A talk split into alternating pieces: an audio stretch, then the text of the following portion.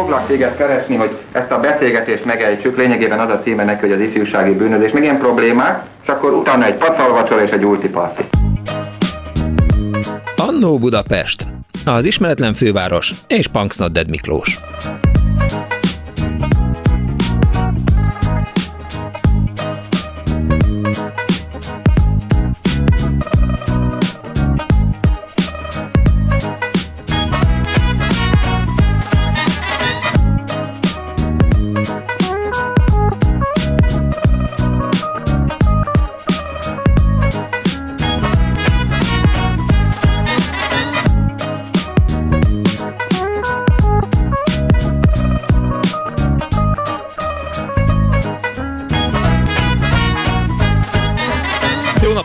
Kedves hallgatóknak, ez a Klubrádió benne az Annó Budapest, az önök alázatos narrátorával.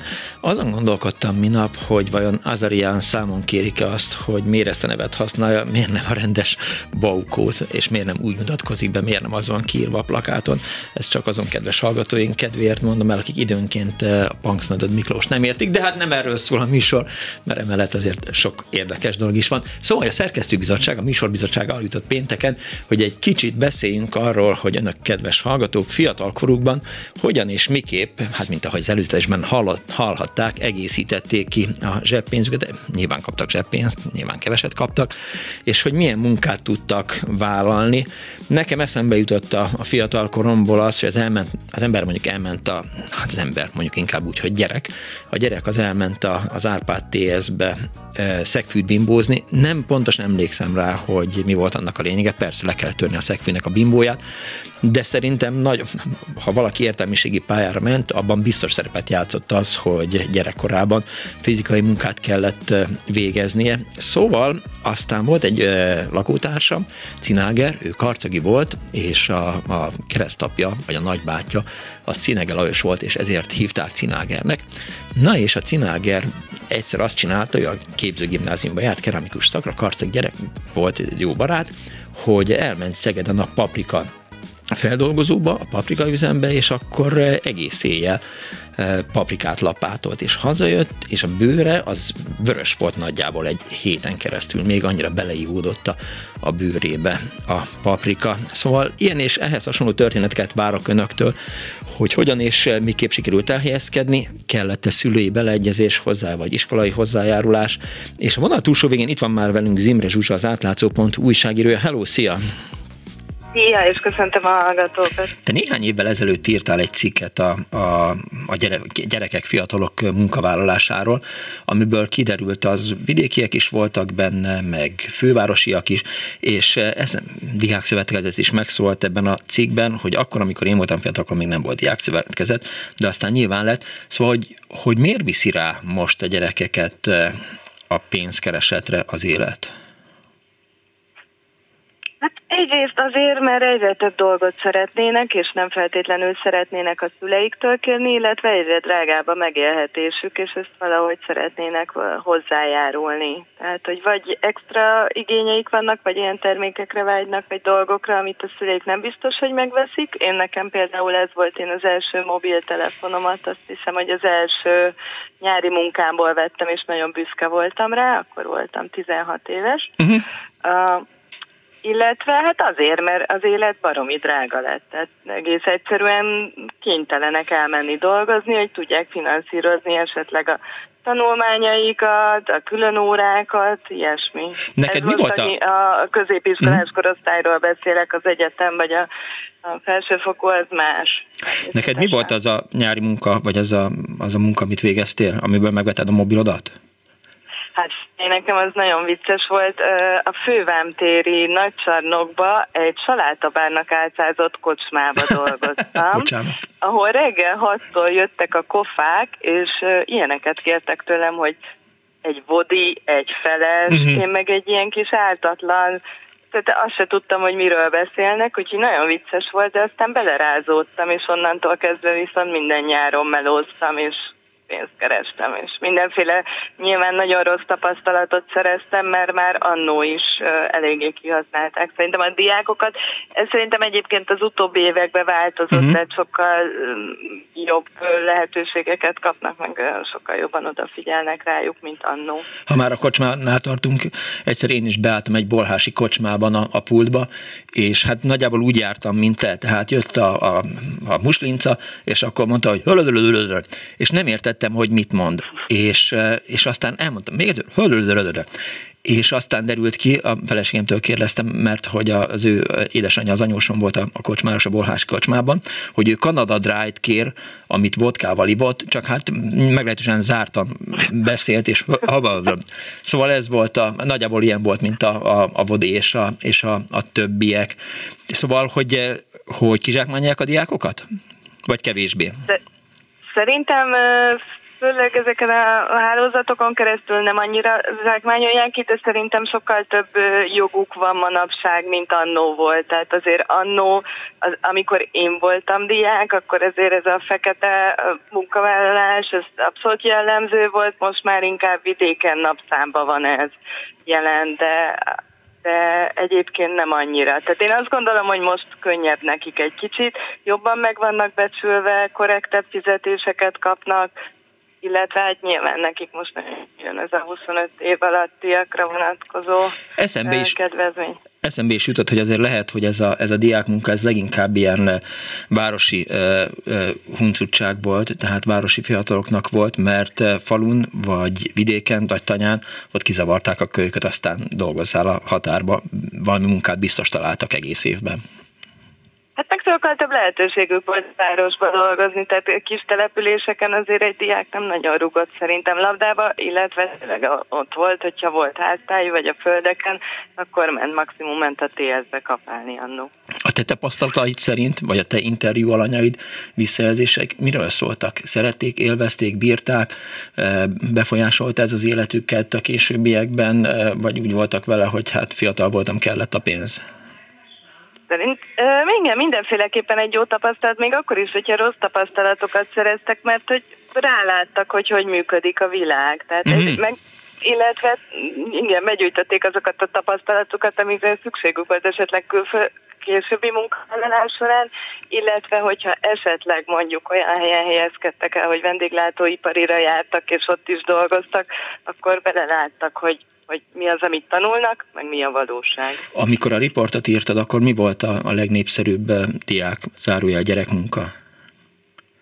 Mindenképpen a vendéglátóipar egyébként. Igen? Annak ellenére, hogy 18 év alatt ugye nagyon limitáltan lehet csak Sőt. dolgozni. Uh-huh. Sőt, igen, tehát hogy ott nagyon szigorú szabályok vonatkoznak ott azokra a helyekre, ahol alkohol fogyasztás van, de ennek ellenére az egy ilyen nagyon könnyű melónak tűnik, hogy csak felszolgálsz, kiadod a kávét, stb. stb. Egyértelműen ez is a legrosszabb, az pedig ilyen nehéz ipargyár, három műszak, Ma milyen feltételei vannak, eh, vagy milyen feltételt támaszthatnak a, a munkáltatók, vagy egyáltalán valami szabályozza a fiatalkorúak vagy a, a gyerekek foglalkoztatását?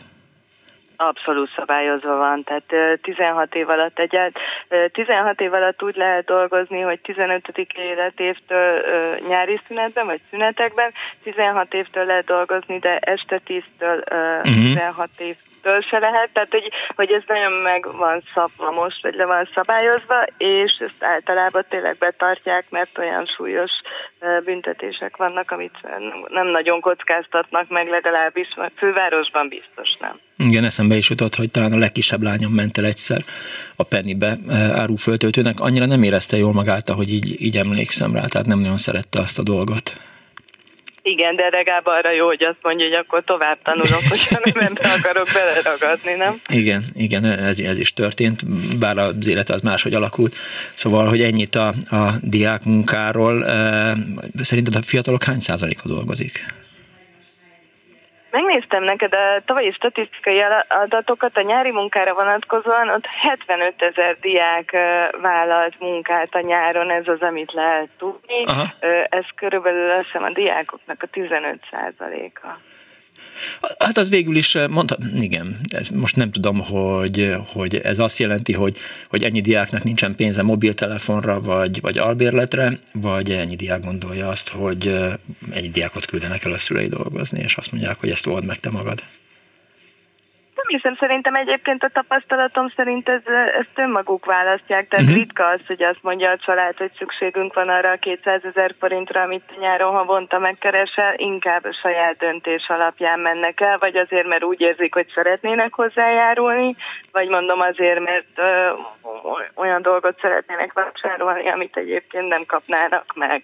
Vagy akár egy, van, aki egy nyaralásra gyűjt, mert azt mondja, hogy akkor én most szeretnék backpackerkedni egy kicsit, és elmenni, menni, és akkor inkább két hónapot dolgozom, egy hónapot megutazom. Aha. Illetve hát ugye külön, bocsánat, ez a, a fesztivál munka az, ami egy ilyen munka és élvezet egyben. Ja, igen, igen. Hát meg, a, meg az önkéntesség. Menő a diák munka? Menő. Igen? Igen. Szerintem abszolút, igen. Tehát jó fejek azok, akik eh, az iskola után még biztosan biztos elmennek egy kicsit eh, rakkolni valahová? Hát azt nem tudom, hogy jó fejeket, de azt gondolom, hogy mindenképpen becsülendő, meg, meg tiszteletre méltó az, hogy, hogy ezt bevállalják, főleg azok, akik uh, nem csak uh, nyáron dolgoznak, hanem évközben is, ami egy külön kategória, és ami egyre inkább jelenik meg a piacon, ami korábban azért ez nem volt jellemző. Értem. Jó, valami furcsa adatot találtál még a műsorra készülve? Micsodát? Valami furcsa adatot még? Nem igazán, nem. Oké. Okay. Sajnos lemaradok a furcsa adatokról. Oké, okay. köszönöm szépen, hogy itt voltál velünk. Eh, Zimre Zsuzsa, az átlátszó.hu újságírója volt a vendégünk. Köszönöm szépen, hogy itt voltál, viszont hallásra. Köszönöm, szia. Szervusz.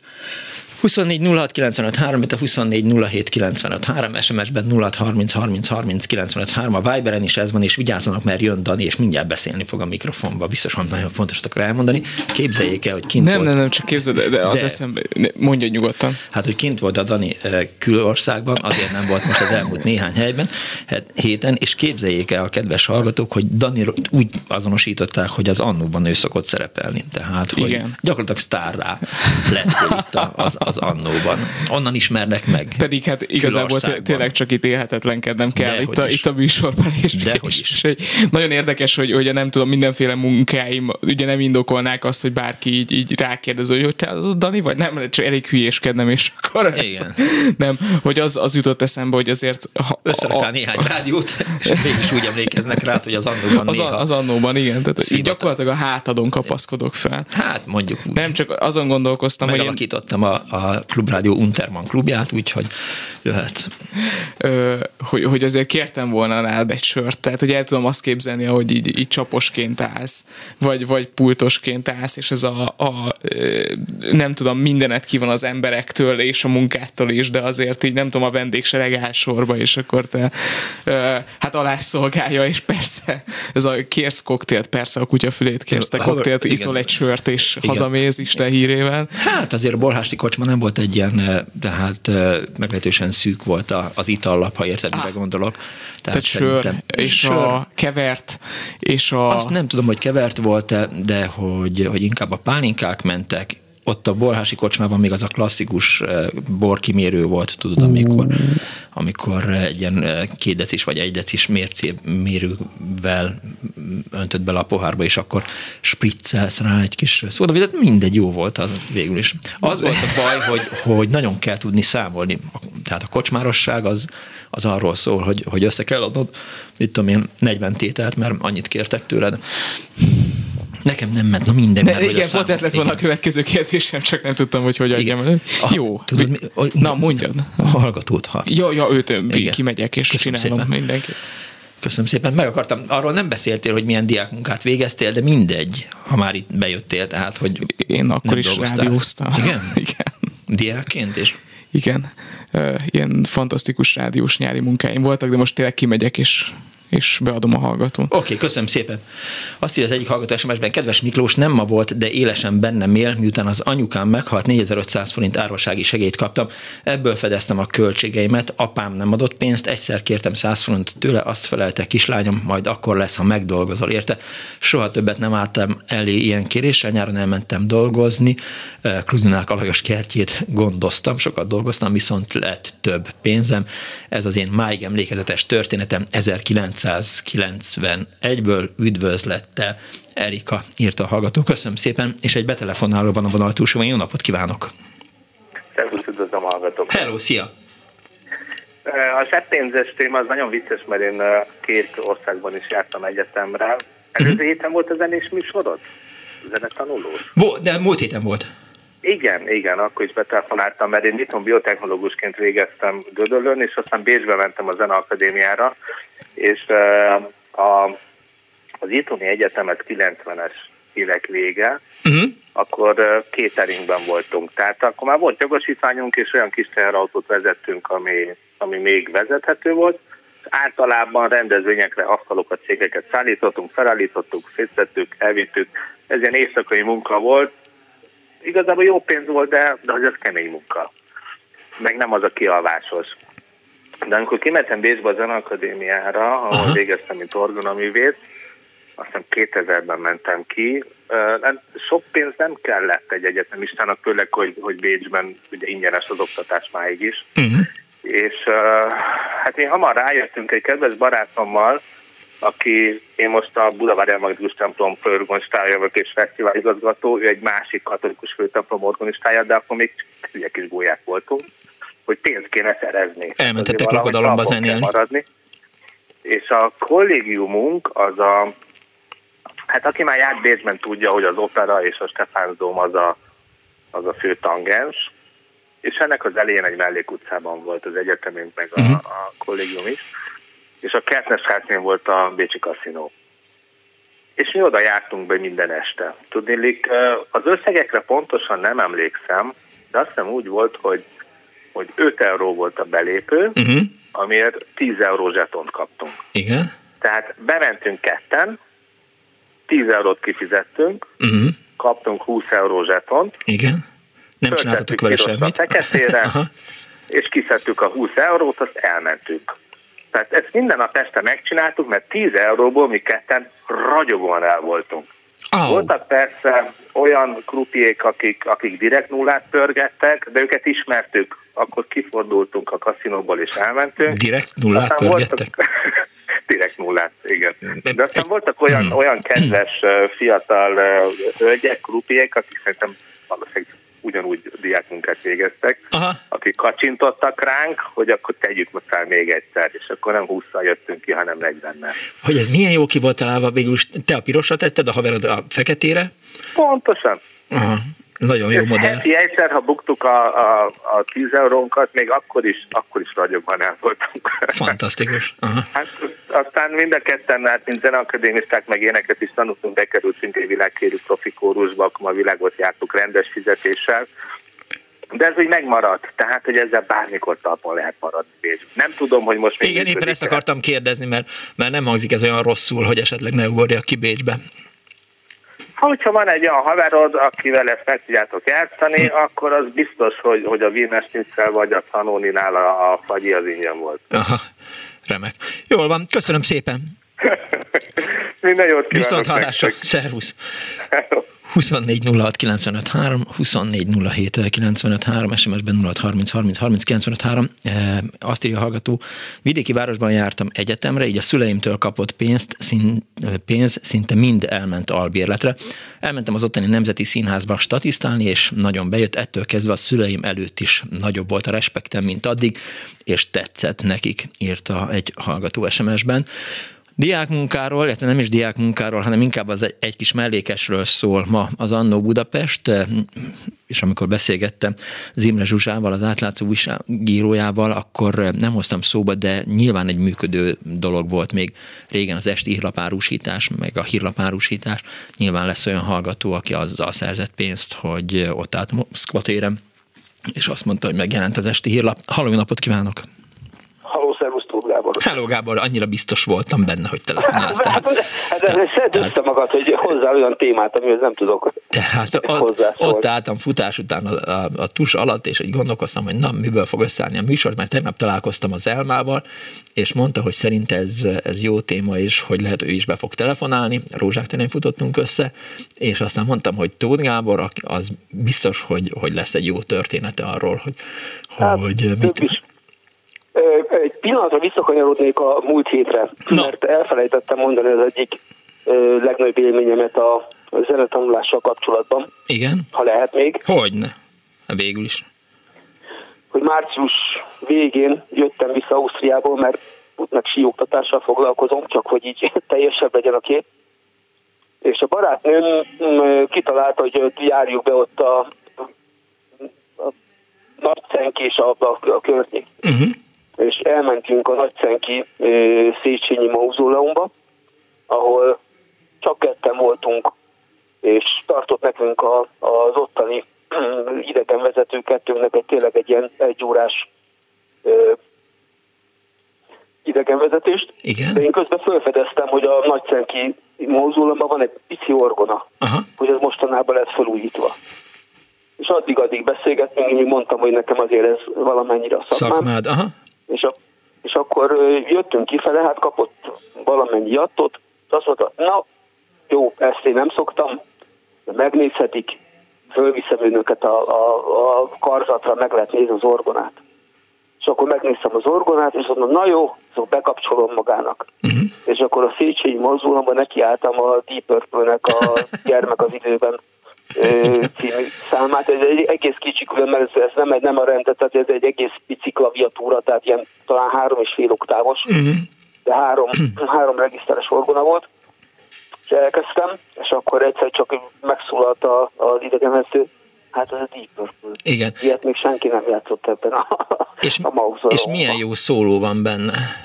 Igen, de hát jó, az nem orgona, az, az, az gitárszóló. Uh-huh. Az orgona szóló talán nincsen benne. Or, or, orgonával kezdődik. Tessék? Orgonával kezdődik talán. Azzal így van, igen, igen, igen, igen. És azt én hallás után én azt, azt, azt levettem még 30 évvel ezelőtt, amikor Deep Purple rajongó voltam. Uh-huh. És ennyit erről csak ezt el, elfelejtettem okay. elmondani, de nagyon nagy élmény volt, és nem hiszem, hogy rajtam kívül valaki valaha Deep purple játszott volna a, a, Széchenyi Mauzolomban nagy centet. Hát várjuk ki a végét, ahogy az Annó Budapestet ismerem. De, de most, már, most már lehet, hogy kedvet kapnak, de, de eddig ezt nem tudom. Akkor ugorjunk. Ugorjunk. Annyi volt, hogy amikor én a hangszerkészítő voltam, ugye ezt, ezt meséltem, és a Liget utcában az volt a mellékes kereset, hogy itt a nagyok kitalálták, hogy az ottani mm, alapanyagokból készítünk, hát főleg a basszusgitár volt, amit csináltunk, és a punt nélküli basszusgitár, mert ezt nagyon-nagyon keresték a, a jazzen, uh-huh. Ők nagyon szeretik a punt nélküli, mert egészen, egészen más a hangzás, hogyha Igen ha a buntra fogják rá a, a húrokat, vagy hogy a bunt nélküli. És az Istennek és nem jutott eszembe, tehát múlt héten, amikor valakivel beszélgettem pont a, a basszusgitárról, és nem jutott eszembe, hogy ki volt a Mahavisnuban, a, a, aki a basszusgitáros volt, aki bunt nélküli basszusgitáron játszott, majd mindjárt megírják a hallgatók, most nem jut eszembe a neve. Hát én sem tudom most sajnos, de, de bunt nélküli basszusgitár az, az, az, az a világon nem lehetett kapni, és uh-huh. akkor volt egy, egy hangszerkészítő kollega, aki a jazzistákkal jóba volt, és ilyen két-három-négy hetente kijött a kezünk közül egy-egy bun nélküli basszusgitár. Azt se tudom, hogy gyönyörű, volt ébenfa, volt palisander fogólapos, tehát valami olyan, olyan csodákat tudtunk ott összerakni, hogy ihajat. A szemöldök, ugye a szemöldöknek hívják azt, ami a hangológép alatt létező, Igen. ahol kifutnak a húrok, tehát Igen. nem a húrláb, hanem a felső oda elefántcsontot szereztek, és azt raktuk oda, tehát, tehát valami tényleg gyönyörű hangszereket raktunk ott, tehát volt rá időnk, uh-huh. és, és hát elég jó, meg citerákat csináltunk fusiba. És akkor azokat is adogattuk el, de nem is ez volt a fő téma, amivel, de ez is az egyik, amiből ilyen, ilyen hát, tanulóként, hát 81-82-ben ha összeraktunk egy gitárt, akkor 2000 meg 3000 forintot kaptam, amikor 5 50 vagy 80 forint, vagy 100 forint volt az ösztöndíj, tehát valami, valami hihetetlen igen, hát az egy, az, egy, az egy nagyon rendes havi kereset volt. Én azt hiszem, hogy 1800-al kezdtem, 82-83-ban. Nekem fogalmam nincs, hogy mennyire adták a gitárokat, de ezen túl nem is érdekelt. Tehát Persze. nekem meg volt a nyakat kellett megcsinálni, vagy a fogólapot kellett gömbölyíteni, vagy akár a, a hát legutóbb most, hát azt hiszem két hónapja megtaláltam egy, egy Gibson testet, amit amerikai dióból csináltam, és a testvéreméknél koncertezett a Ricky G. Weevil, és beszédbe legyettem vele, és mondtam, hogy én ezt szeretném, hogyha jó helyre kerülne. Uh-huh.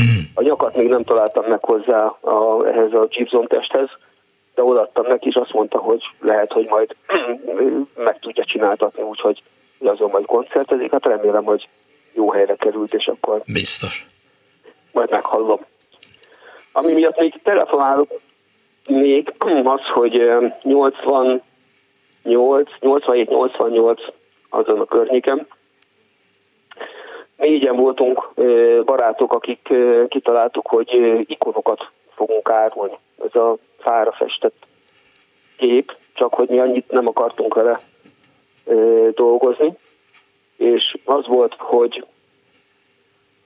Hát megégettük a, a, a fenyőfát, drótkefével lekeféltük, és akkor jártunk a szovjet kultúra házába, uh-huh. ott ilyen ikonos könyveket lehetett kapni. Igen. És ezekből... Tessék? Igen, mondom, hogy igen.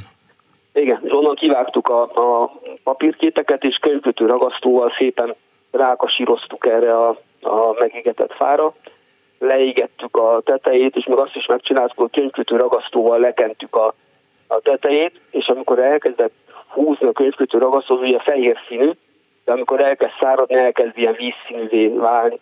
És amikor már lassan láttuk, hogy ö, mi az eredeti ö, kép, ezeket is szépen ecsettel meghúztuk, tehát, tehát még az avatar, még az ecset nyomát is lát, látni vélte a, ezekben a, a művekben. És Székesfehérvára jártunk, a korona kereskedelmi cégnek volt minden évben egy, egy vására, és oda mi puskával, tehát mi elején mi vonattal mentünk, és akkor úgy vittük bőröndökbe, de nem tudom, és akkor vittük a puskát, azt tudod, mi az a puska, Persze, ugye? vásároztam én fiatal koromban. É, akkor tudod. És akkor a arra, többi hallgató kedvéért ezek. mondjuk el, a puska az az összecsukható, a többi hallgató kedvéért mondjuk el, hogy a puska az összecsukható asztal, tehát amin a, e, amit a vásározók kinyitnak, és akkor arra e, teszik rá azt az egyébként föltekert és lécekre tekert e, valamit, vászon, ami a vászon, vászon ami a lapja lesz a, az asztalnak, igen. Igen. És hát az első év az, az valami hihetetlen volt, hát nem gondoltuk volna, hogy, hogy ilyen, ilyen 88-ban ilyen 25-30 ezer forinttal jöttünk egy nap alatt, tehát valami félelmetes, és meséltem talán neked a Péter barátomról, akivel csináltuk ezt a... Mm, drága küzletet? Igen, igen, az, az ásvány, a drága küzletet. igen, emlékszem rá. Ugyanabban az időben Fehérváron volt egy ö, ö, ásványbőrze. Szóval kijött a Péter barátom, nem volt már szomjas. De hozzátennénk különben, hogy nagyon sokat tanultunk, a, rájöttünk, hogy akkor lehet jól eladni ezeket az ikonokat, ha az ember jól tud a történetéről. Mi tudtuk, hogy ki volt Andrei Jubjov, hogy készültek az ikonok, melyik mit ábrázolt, Cyril és Metód, meg tehát, tehát rengeteget olvastunk utána, uh-huh. hogy, mhm. hogy ezeket el tudjuk adni. És Péter barátom azt mondta, hogy ő beáll a standba, és volt egy ikonoki Szent Kristóf, ugye az a, az a vándorok védőszentje, és úgy ábrázolják általában, hogy bokáig áll a vízben, és a vállán egy kisgyermek. Uh-huh. És ez nagyon megtetszett az egyik vevőnek, és akkor kérdezte, hogy ki ez, és akkor Péter barátom azt mondta, hogy ő Szent Ámbátor, a téren kitett gyermekek védőszentje. Bocsánat. És, komolyan mondom, hogy megvett. Hát, és úgy vitte, hogy ilyet, hogy Szent Ámbátor a téren kitett gyermekek védőszentje, hát ő neki még ilyen, ilyen ikonja még nem volt, és ezt négy vagy öt éven keresztül és nem volt senki, aki, aki visszament volna? Igen. De nem volt, aki visszajött volna, és azt mondta, hogy átvertetek, ez kamu, ez hamisítvány? Nem, nem, nem, nem, megmondtuk, hogy mit csináltuk. Uh-huh. És... Az, az, az, az nem volt kérdés, hogy ez másolat, meg ilyenek. Tehát uh-huh. nem, nem, azt mondtuk, hogy, hogy ez, ez, azt mondtuk, hogy ez saját készítés. Ja, ja, ja. És a, a, az, hogy szuette legyen, azt hogy értétek el? Úgy, hogy benne, hát nem szuett, azt, azt csináltuk, hogy hogy ezt tűzbe beraktuk, és Igen. szénné égettük tulajdonképpen, és Aha. utána a trótkefével szedtük le Igen, a szenet, az irgalmatlan mocskos munka volt. Uh-huh. Emiatt kirajzolódott a, a fának az erezete. Fának az erezete. Igen. Mert ugye, hogy vannak a, az őszi meg a tavaszi pászták, ezeket így szokták mondani, a tavaszi az sokkal e, puhább, és amikor ezt a faszenet le de túlja róla az ember, akkor a, az őszi pászták azok kiállnak, és így kiadja ezeket a gyönyörű e, rajzokat. És ebbe kasíroztuk bele, tehát ilyen, ilyen különben nincsen, hát ugye az, az, az ikon az elméletileg az sík, ja. de mi bele, bele kasíroztuk magába a fába, és a, az ikonnak, tehát a, még amit látsz is, hogy is a, a fának az erezete átjött rajta. Tehát ilyen, ilyen az életben, és hát ezt elmondtuk nekik, hogy, hogy, hogy, hogy, hogy ezt mit csináltuk. Nem húzta meg a fát, vagy a, vagy a másik oldalára is kentetek ragasztót, vagy, vagy tettetek valamit? Nem, nem, másik oldalát az csak, csak matlakkal volt, hogy ne fogjon, uh-huh. és a másik oldalára tettük az akasztót, és akkor így. Ja, ja, ja. Nem tudom, hogy ilyen, ilyen elágazós történetet lehet erről mondani, vagy... vagy, vagy hova, akarsz, a... hova akarsz elágazni már megint? Hú, hát volt, volt egy olyan, hogy egy szeptemberben ugye ezeket el kell vinni, sűriztetni ezeket a tárgyakat, és szeptemberben a Fehérvár áruház, csinált valami, Fehérvár áruház, Fehérvár vásár, hallottál erről a szlogenről? Talán igen, igen. És szeptemberben volt ott a Fehérvár áruház parkolójában egy e, ilyen dolog, és egy, egy barátommal, akivel egy szintén csináltuk, elvittük ott a áruház igazgatóságának bemutatni, hogy mi az, amit szeretnénk e, árulni. Uh-huh mert azért nem úgy volt. Hát akkor még fényképeket nem lehetett küldeni, tudod, interneten. Ja, ja, ja, persze. ezeket be kellett mutatni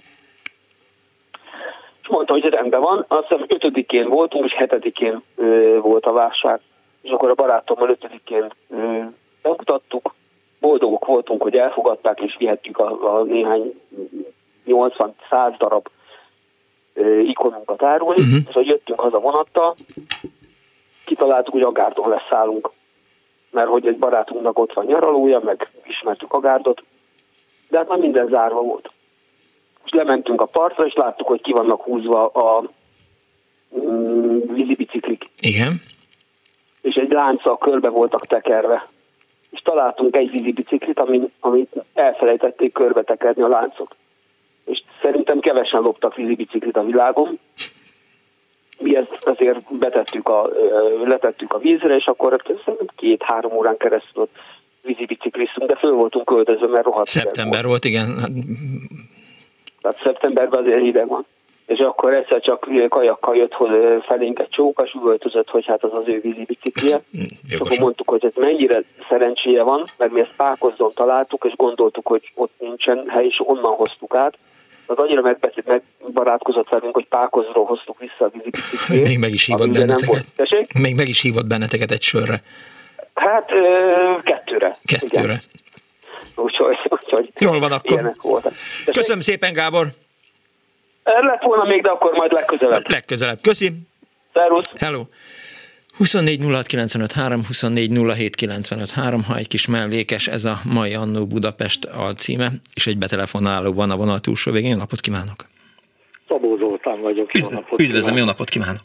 Kedves Miklós, én vagyok az a fajta boomer, úgy mondják, aki világ életében a mellékesre volt rászorítva. Na. Az én szüleim a bevezetésre került, hogy 6-7 éves koromban egy pénztárnapló, ahol minden bevételt és kiadást könyvelni kellett. Uh-huh. Az egyik kedvenc sorom az, hogy Jancsi bátyától két forint, ez is mind bevétel fel volt tüntetve. És gyakorlatilag ebből a aspektusból kezdtem én el az ilyen pénzgyűjtögetési dolgaimat. Uh-huh. Én anyáméktól életemben tulajdonképpen semmi olyat nem kaptam, amire olyan marha nagyon vágytam volna, villanyvonat, bicikli, stb., uh-huh. hanem ezeket én mindig ilyen mellékes kereseteimből szereztem be. Emlékszem, egyik nagy szerzeményem 13-14 éves koromban Budapest típusú 26-os bicikli 70 uh-huh. forintért. Uh-huh. Tehát végül is világéletemben gyűjtögettem a, a forintokat, illetve mindig megvolt a nemes cél, hogy mire fogom én ezt költeni. És hát többször felmerült már az előzetesben, még meg a ma délutáni szóbeszédben is az újságárusítás esti hírlap Igen. című dolog. Ezt én valamikor a 70-es, 71-es nyáron jutottam el oda, uh-huh. hogy én egy ilyen délelőtti tanfolyamra jártam akkor néhány héten keresztül, és minden délutánom szabad volt, és valakitől hallottam, hogy a hú, Népszínház utcában ott van az esti hírlap árusító vagy elosztó, uh-huh. egy mhm. kis pince és akkor, hogy ott lehet vételezni, újságot elvinni, másnap reggel elszámolni, és így működik a dolog. Hát első nap én mindjárt bementem, és hát kértem 50 újságot, mondták, hogy először vagyok itt, maradjon csak 20. Uh-huh. Mhm. Hát jó, 20. És úgy elképzeltem, megyek a körúton, kiabálom, hogy esti hírlap, hát nem, nem nagy érdeklődés volt. Hmm. Akkor gondoltam, fölszállok a villamosra, hát ha ott az ülő utasok között el fog kelni a portéka. De hát nagyon, nagyon nem nagyon kell. Valahogy kikeveredtem a Váci út és az Árpád híd Pesti hétfőjéhez, Igen? és valahogy ott tébláboltam a piros lámpánál, amikor az egyik autóból kiszólt egy jó ember, hogy Öcsi, adj egy újságot. Annak idején 80 fillér volt az esti, uh-huh. kaptam egy forintot, nagyon szépen megköszöntem, hogy mennyi volt rajta, azt mondom, valami 10 fillér vagy 10 fillérnél kevesebb volt az egy újságra eső jutalékom tulajdonképpen. De a lényeg az, hogy azt a 11 néhány újságot, amit nem bírtam eladni két-három óra alatt, ott körülbelül 5 perc alatt elkapkodták tőlem. Na hát felcsillant a remény, hm. Annak idején volt már egy Danovia motorkerékpárom, másnap mondtam, hogy 50 újság. Látták, hogy én már nem vagyok mai gyerek, úgy látszik, egy nap megmaradt a ége. Fölpakoltam az újságot, hát az is elment egy fél óra alatt. Lényeg az, hogy ott két-háromszáz újsággal dolgoztam. A legjobb kuncsaftok a kukások voltak, hmm. mert ott jöttek a Bécsi úti szemétlerakóból, egy kukás autóban négy-öt kollega is ücsörgött, és ők meg valami oknál fogva általában nem egy, inkább két forintot adtak egy-egy újságért. És hát ez igen, igen jól jövedelmező üzlet volt. Végül is azért kellett abba hagynom, mert hát vissza kellett térnem a rendes munkámhoz, és hát ott, ott ennek a töredékért dolgozgattam. Hány órára Viszont, kellett menni az esti hírlapért? Ilyen dél körül, egy óra uh-huh. körül. Tehát még, még friss nyomdaszaga volt az újságnak. Milyen jó újság, igen. Igen, igen. Másik szerelmem, illetve hát a fő szerelmem pedig az autó, motorkerékpár, ilyesmi volt. Várja még egy pillanatra, bocsánat, hagyj, hagy kérdezzek valamit. Igen. Emlékszik egy olyan uh, hírre, amit az ön által árusított újságból tudtak meg? Tehát, hogy volt-e olyan... Valami óriási. Igen, igen. Hát nem. Igen, hát nem. ember a marson Megmondom, levágta. Nem, ebben nem volt ez egy olyan túl hosszú, néhány hét volt uh-huh. ez az egész történet. Nem, nem maradt meg bennem Ja, ja, ja, oké. Okay. Időközben pedig uh, szintén egy ilyen tanfolyam, meg akármi keretében eltökéltem, hogy én bizony hivatásos jogosítványt fogok szerezni, ami azért volt furcsa ott abban a társaságban, mert mindenki MHS, meg egyéb ilyen szponzor által lett beiskolázva, és teherautó, pótkocsi, meg mindenféle kategória. Én meg csak mondtam, sima B kategóriát kérek szépen, de hivatásos. Uh-huh. És akkor, miután megvolt, rá pár napra volt a taxi, minden hétvégén szombaton volt másodállásos taxisofőr felvétel. A feladvány pedig az volt, hogy egyik, tehát egy ilyen gyakorlati vezetés volt, és utána pedig volt egy elméleti oktatás, és talán a következő héten volt a végleges vizsga. Most az én kresszok, illetve sofőr vezetési oktatóm, az egy, máig is megvan a neve, Winkler Csaba, annak idején rallis srác volt, uh-huh. és egy Skoda MB1000-esbe ültünk be a Danko utcában, ott volt a tanintézet telephelye annak idején, és miután kimentünk úgy a néplégetbe, hogy kettesből nem nagyon vettek ide, 70-80 alatt sem nagyon mentünk, úgy, úgy egy direkt játszotta az eszét, hogy á, így pörög egy autó. Hát a szegény Skoda azért meg is sérette, gondolom egy idő után. Na mindegy, az, de jó haverok lettünk, és mondom neki, hogy úgy hallottam, hogy a taxinál kormányváltós autóval van a vizsgány, meg életemben nem vezettem még kormányváltós autót, de nem tud-e egy fél órás, órás kört velem csinálni. Uh-huh. Szerzett egy öreg moszkvicsot, ott a tanintézetnél van egy kollégától mentünk egy kört, és hát a szombati vizsgán a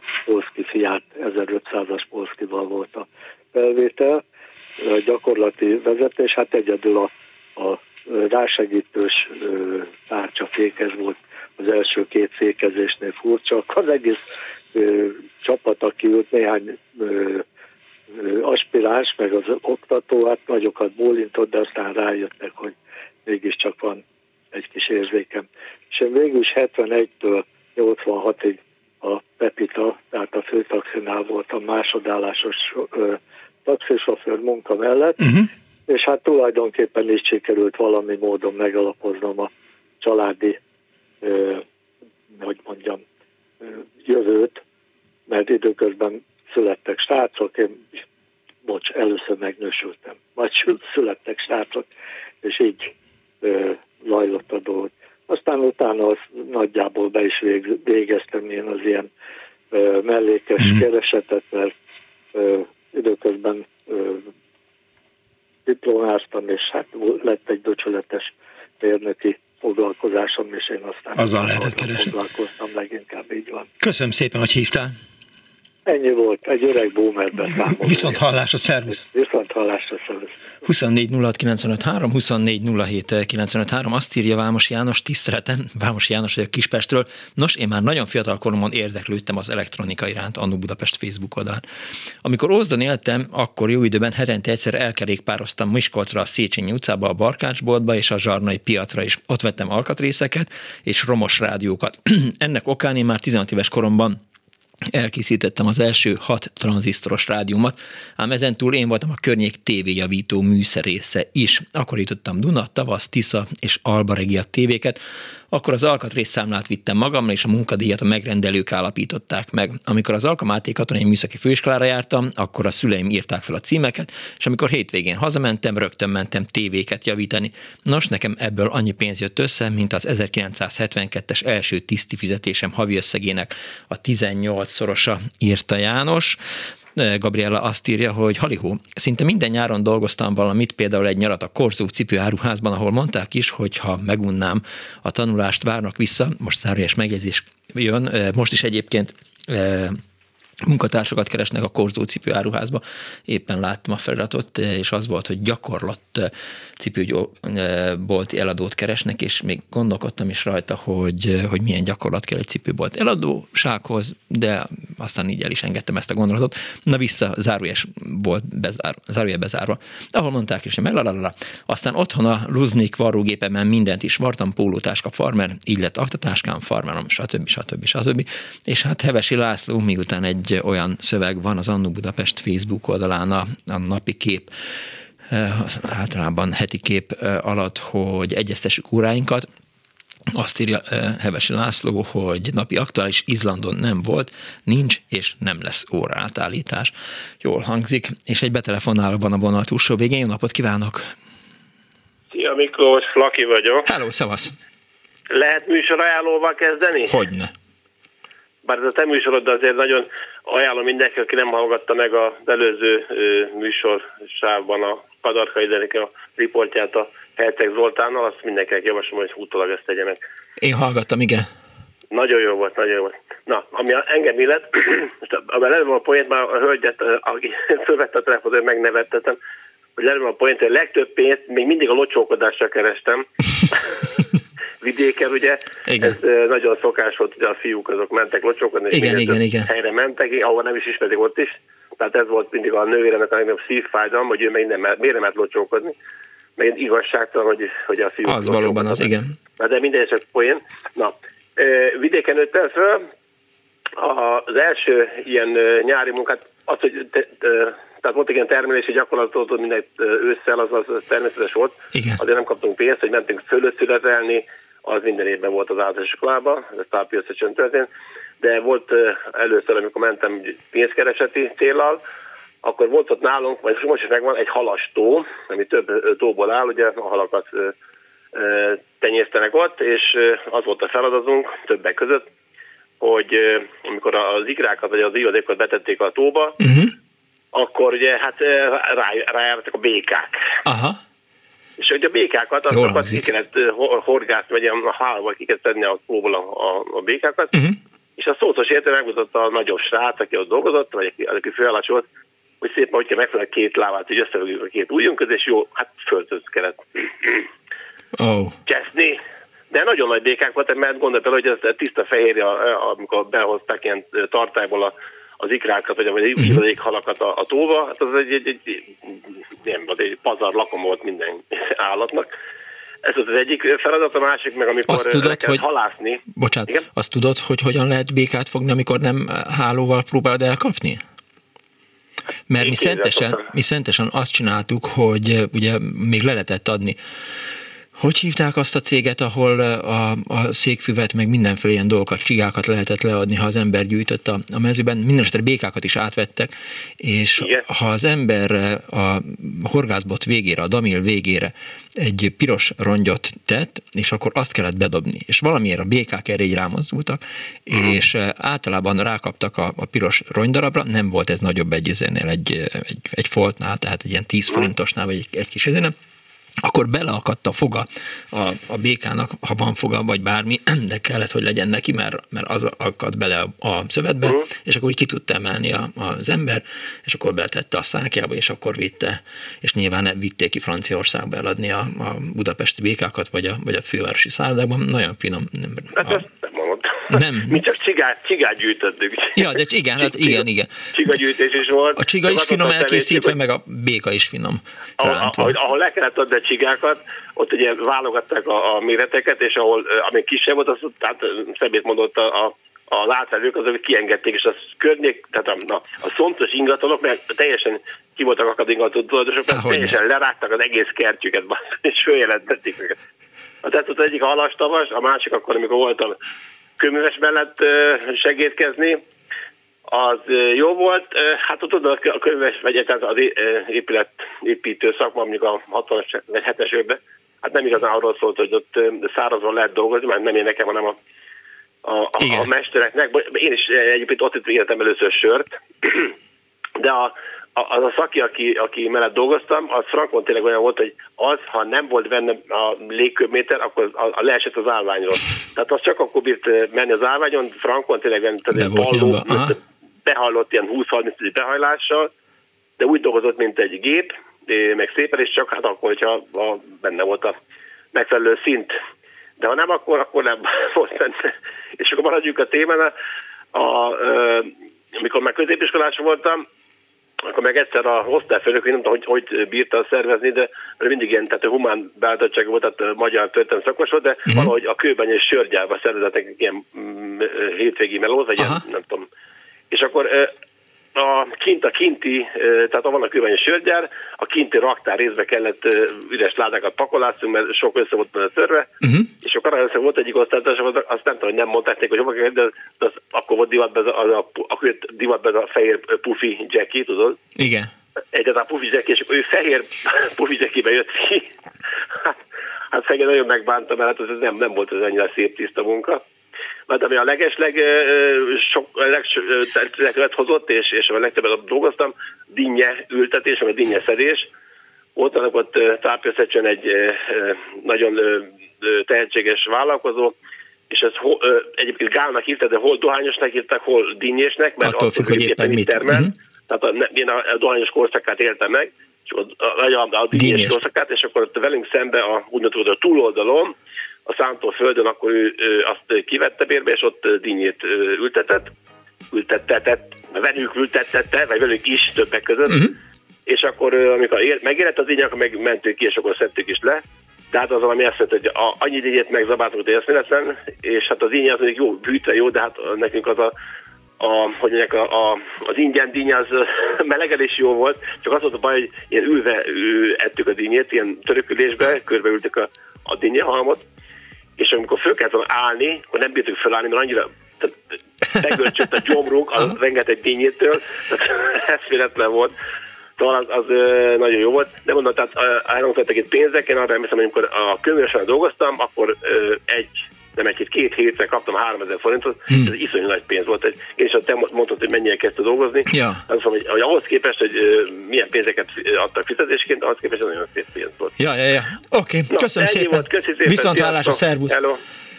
Azt írja az egyik hallgató, hogy SMS-ben, Feribá, hogy a 60-as években a nyári szünetben a Széchenyi fürdőben dolgoztam három napig kabinos, kabinos inasként. Ott hagytam, mert megalázó volt az esti borra való osztozkodás. Mi dolgoztunk, az öregek meg elrakták a csomó javát.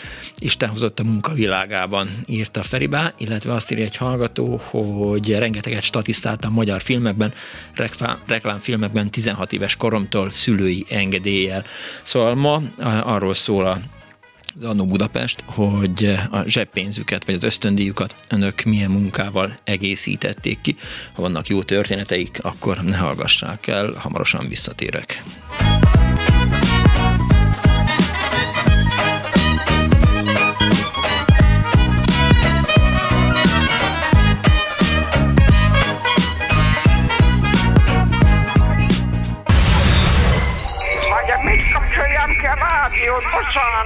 Bocsánat. Jaj, igen, jaj. igen, igen. Elnézést. Jó napot kívánok.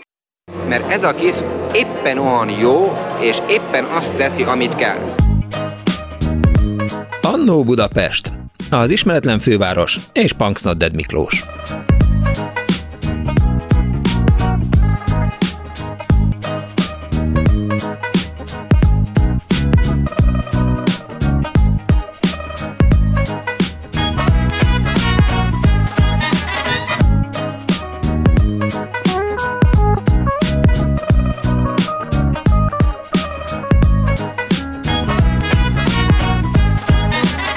Napot kívánok a most ébredő kedves hallgatóknak! Ez a Klubrádió benne az Annó Budapest az önök alázatos narrátorával.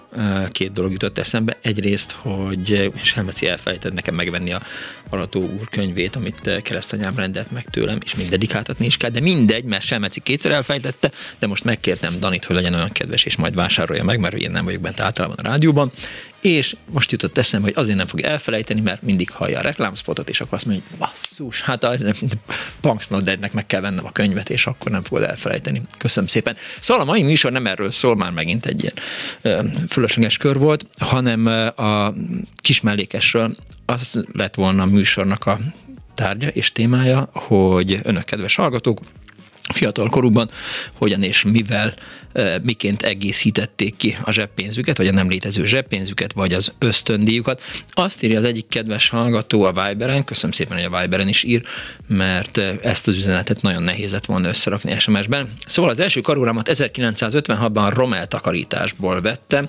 A mai József körúton dolgoztunk, máig emlékszem a körút és a Baros utca sarki ház, zárójel, szerintem az József körút volt akkor is, zárójel bezárva, Máig emlékszem, a Kirút és a Baros utca sarki ház szétlőtt lodzsájára, vagy talán erkély volt előző életében. A pénz nem volt fontos, mind annyian, minnyáján Budapestért dolgoztunk, 10 és 20 évesek, a legkülönbözőbb háttérrel, gondolkodással, hogy rendbe hozzuk a várost. Volt köztünk bal és jobboldali, volt, akinek éppen disszidáltak a hozzátartozói, volt ismert értelmiségi családból, akinek apját börtönre ítéltük, de velünk lapátolt magas beosztású BM tiszt gyereke is.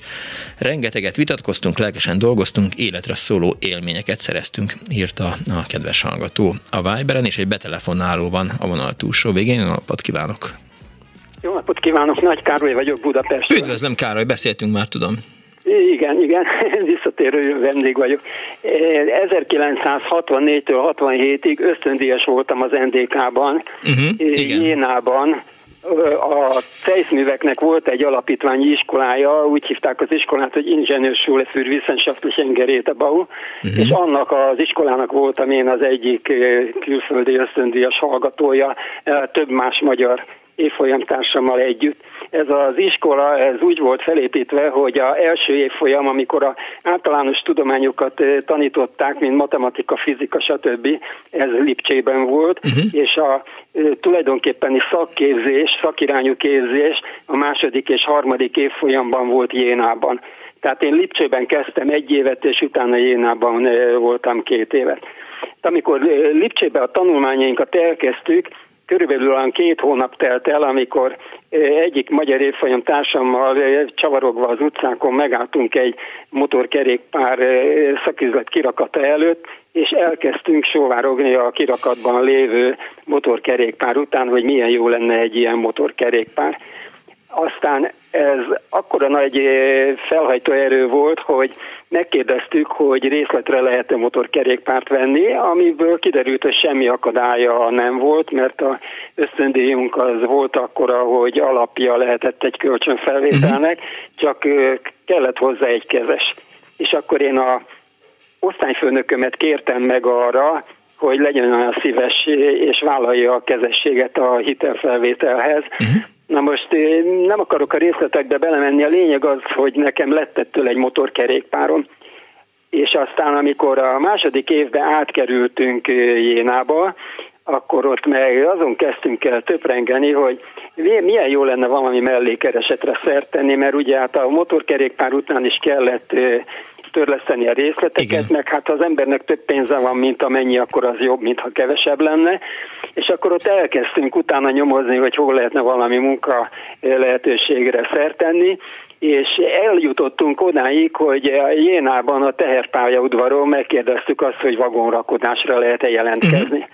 Hát ott örömmel fogadtak bennünket, olyan szempontból volt ez érdekes a teherpályaudvar részéről, hogy ők vadásztak olyan munkásokra, akik telefonon elérhetők, mert ugye annak idején még nem volt mobiltelefon, Igen. tehát nem olyan egyszerű volt az valakit hirtelen előkapni, és, és hogy hamar ott tudjon lenni. Tehát, hogyha kérik, hogy jöjjön, akkor tényleg megy.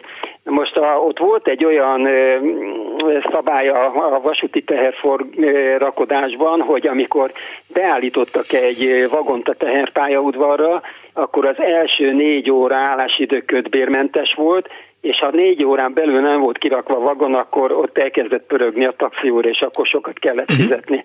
Tehát ilyen szempontból kapóra jött a, a teherpályaudvar részéről minden olyan jelentkező, aki elérhető volt és gyorsan ja, tudott ja. mozogni. Értem. És hát aztán végül is ebből komoly hosszantartó kapcsolat lett, mi oda rendszeresen kaptuk a hívást. Szerencsés módon a, a diákszállón a recepció közelébe volt a szobám, és amikor jött egy hívás, hogy, hogy keresnek a Jénai teherpályaudvarról, akkor csak átszóltak a szobába, hogy telefonja van, és akkor fölpattantam uh-huh. a motorra évfolyamtársam, másik magyar évfolyamtársammal, és akkor perceken belül ott voltam, és akkor elkezdtük kirakni a vagont. Hát ott volt mindenféle, amit pakolásni kellett, tehát tégla, mint darabáru, Aha. cement, akkor ömlesztett áru lapáttal, tehát minden, amit el lehet képzelni. Az kemény fizikai munka lehetett. Hát igen, komoly. Tehát van is rólam olyan fénykép, ott eh, valakit megkértem, hogy fényképezzen le, amikor egy vagonnak a, a tetején budjanásig megpakolva téglával a vagon, hmm. és mellett áll egy teherautó, és akkor a, ott álltunk a téglakupac tetején, és haigáltuk át a, a téglát a, a vagonból a teherautóba. Reméljük, Na hogy nem tört össze. Hát nem nagyon foglalkoztak ott, de különösen sok törézúzás nem volt, már a téglák nem nagyon sérültek meg, uh-huh. de hát falazás közben kell fél tégla is, úgyhogy nem volt ezzel semmi probléma. Na most a érdekességként megemlítem, hogy ez milyen kereseti lehetőséget jelentett. Hogyne, persze a, az én ösztöndíjam, tehát mint külföldi ösztöndíjas, amit a, a német állam fizetett nekünk, az akkor fejenként 280 NDK márka volt, és a vagonkirakodással általában 350-400 márka körüli összegeket kerestünk havonta. Eh, akkoriban mondjuk nem emlékszem arra a korszakra, hogy, hogy mondjuk mennyibe került egy, eh, ha az ember elment vacsorázni eh, Berlinben a nem tudom hová, az Alexanderplatzra. Akkor... Ezt meg tudom mondani kapásból, mert mi saját magunkat úgy láttuk el, táplálkozás úgy volt megszervezve, hogy a kollégiumban volt menza, uh-huh. ami a hétköznapokon ebédet biztosított, az összes többi élelmiszert azt saját magunknak kellett megszerezni. Értem. És hát ugye a mondjuk a vacsorák azok egyszerűbbek voltak, valami hideg felvágott, vagy valami ilyen egyszerűbb dolog. A, általában azt csináltuk, hogy hogy vasárnap elmentünk vendéglőbe ebédelni, és most egészen konkrétan emlékszem rá, hogy volt ott egy olyan menü, ami állt egy főt csülökből, uh-huh. tehát egy, egy disznócsülök, hozzá főt krumpli káposztával. Jó ez, az, E, hát ez egy komoly nagy adag, tehát ez tényleg azt az ember megette, akkor hosszabb ideig nem volt kedve utána, Semmit sem. nem volt étvágya. Tehát ez egy komoly, komoly mennyiségű ennivalóról van szó. Ez négy márka 50 feningbe került egy ilyen, hmm. egy ilyen menü, és a pohár, egy pohár világos sör, az meg e, körülbelül 60 fening volt. Jó, szóval ez a 300 forintos, 300 e, kelet-német márkás fizetés, ez meglehetősen, hogy is mondjam, nagy lábon élést biztosíthatott volna önöknek. Hát el voltunk, egészen jól el voltunk anyagilag. Ja. Na most az értékarányokat hogy helyére tudjuk tenni, ahogy a 280 márka mennyi, ugye akkor valami 4, 4 forint valahány fillér volt az árfolyam, uh-huh. tehát mhm. egy márka mondjuk 450, akkor az 280-at megszoroz az ember 450-nel, akkor az mit tudom én, valahol a 1000-2300 forint körül erre jön ki, ha most így hirtelen akarok egy számot mondani, és a kezdő mérnöki fizetés, a Magyarországon a kezdő mérnöki fizetés az 1350 forint volt. Aha, 1260 egyébként a 280 szorozva négy és. Igen, tehát, tehát al, alulról megközelítette a mi ösztöndíjunk a, a kezdő magyar mérnöki fizetést. És akkor még erre rájött a, a a Jénai teherpályaudvar.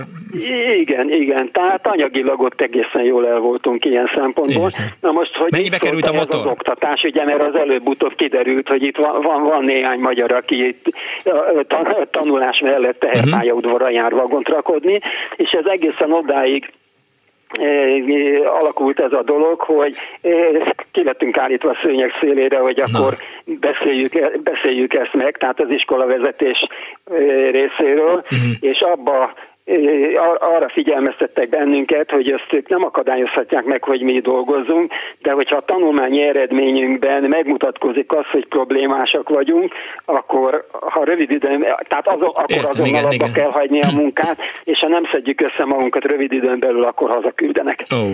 Tehát ilyen szempontból mondjuk kockázatos lett volna a dolog, de nem volt az végül is, mert, mert a tanulmányi eredményünkkel nem volt semmi probléma. Mennyibe került a motor? Az, ha jól emlékszem rá, az 2500 márka volt, uh-huh. és, és valahogy úgy volt, hogy a, mit tudom én, 30%-át kellett kifizetni, és a, a havi részlet az, az, ha jól emlékszem, olyan 80 márka körül volt. Értem. Köszönöm szépen, kerek lett a történet. Viszont hallásra! Kérem, viszont hallásra! 24 06 95 3, 24 07 95 3, ha kell egy kis mellékes szólt a buzdítás, illetve 06 30 30 30 95 3. Halló, jó napot kívánok! Jó napot kívánok! Üdvözlöm! Középiskola, Buda, Toldi Ferenc gimnázium, és volt egy osztálytársam, aki egy közismert név, ezért nem mondom, de hozzájutott nyugati színes magazinokhoz, uh-huh. amelyek a, a zenét, a könnyű zenét népszerűsítették és osztályozták. Ez nagyon nagy ritkaság volt 60-as évek első felében. Igen.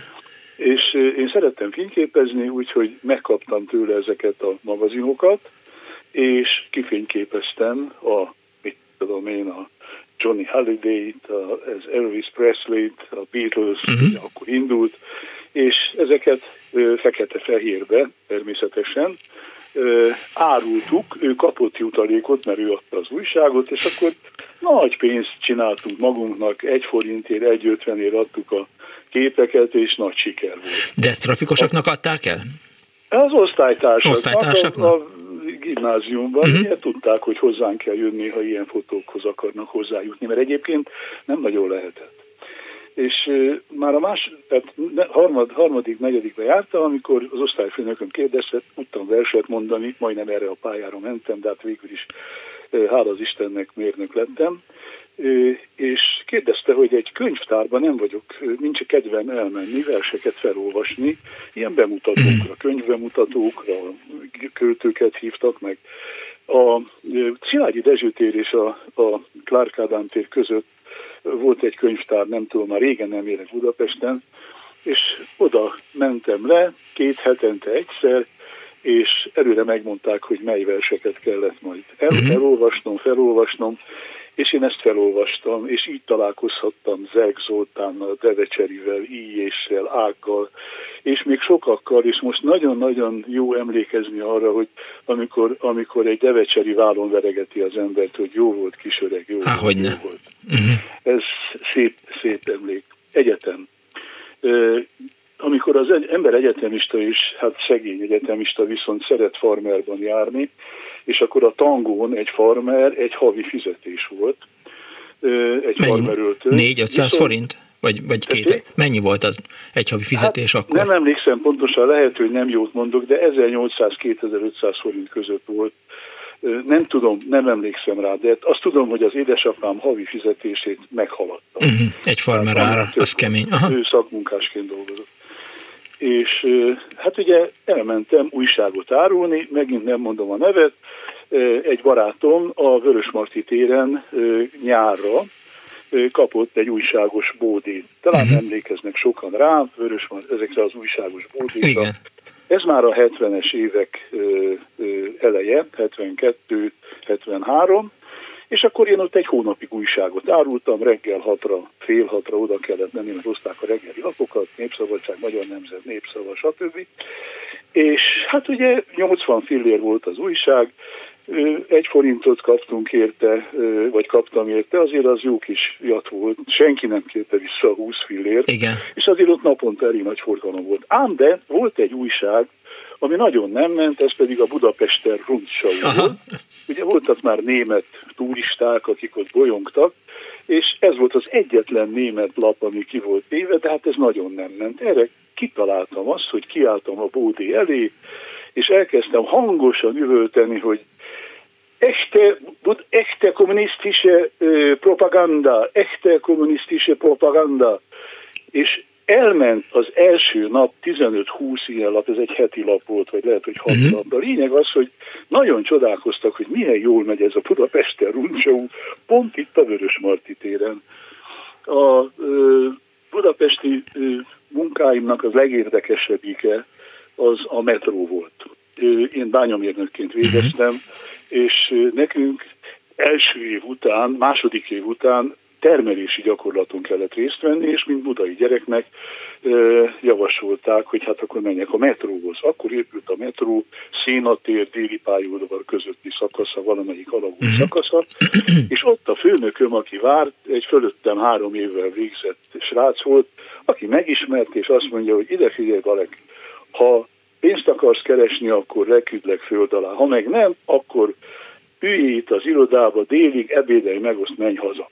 Hát én pénzt akartam keresni, életemben annyi pénzt nem kerestem, két műszakban dolgoztam, borzasztó körülmények között tudni kell, aki arrafelé metrózik, hogy azok, azokban az alagutakban ömlött a víz, tüpingekkel biztosították, hatalmas nagy alagutak voltak, egy szál gatyába és egy hát állandóan átnedvesedett tornacipőbe térdig érő vízbe toltuk a csilléket, egészen a Kasig, a Szénatéren volt a függőleges akna, ott, ahol most a Mamut van. Igen. Nem ott, ahol a metróállomás, a, a Szélkámán téren. És, és odáig el kellett tolni, és sós ásványvizet adtak.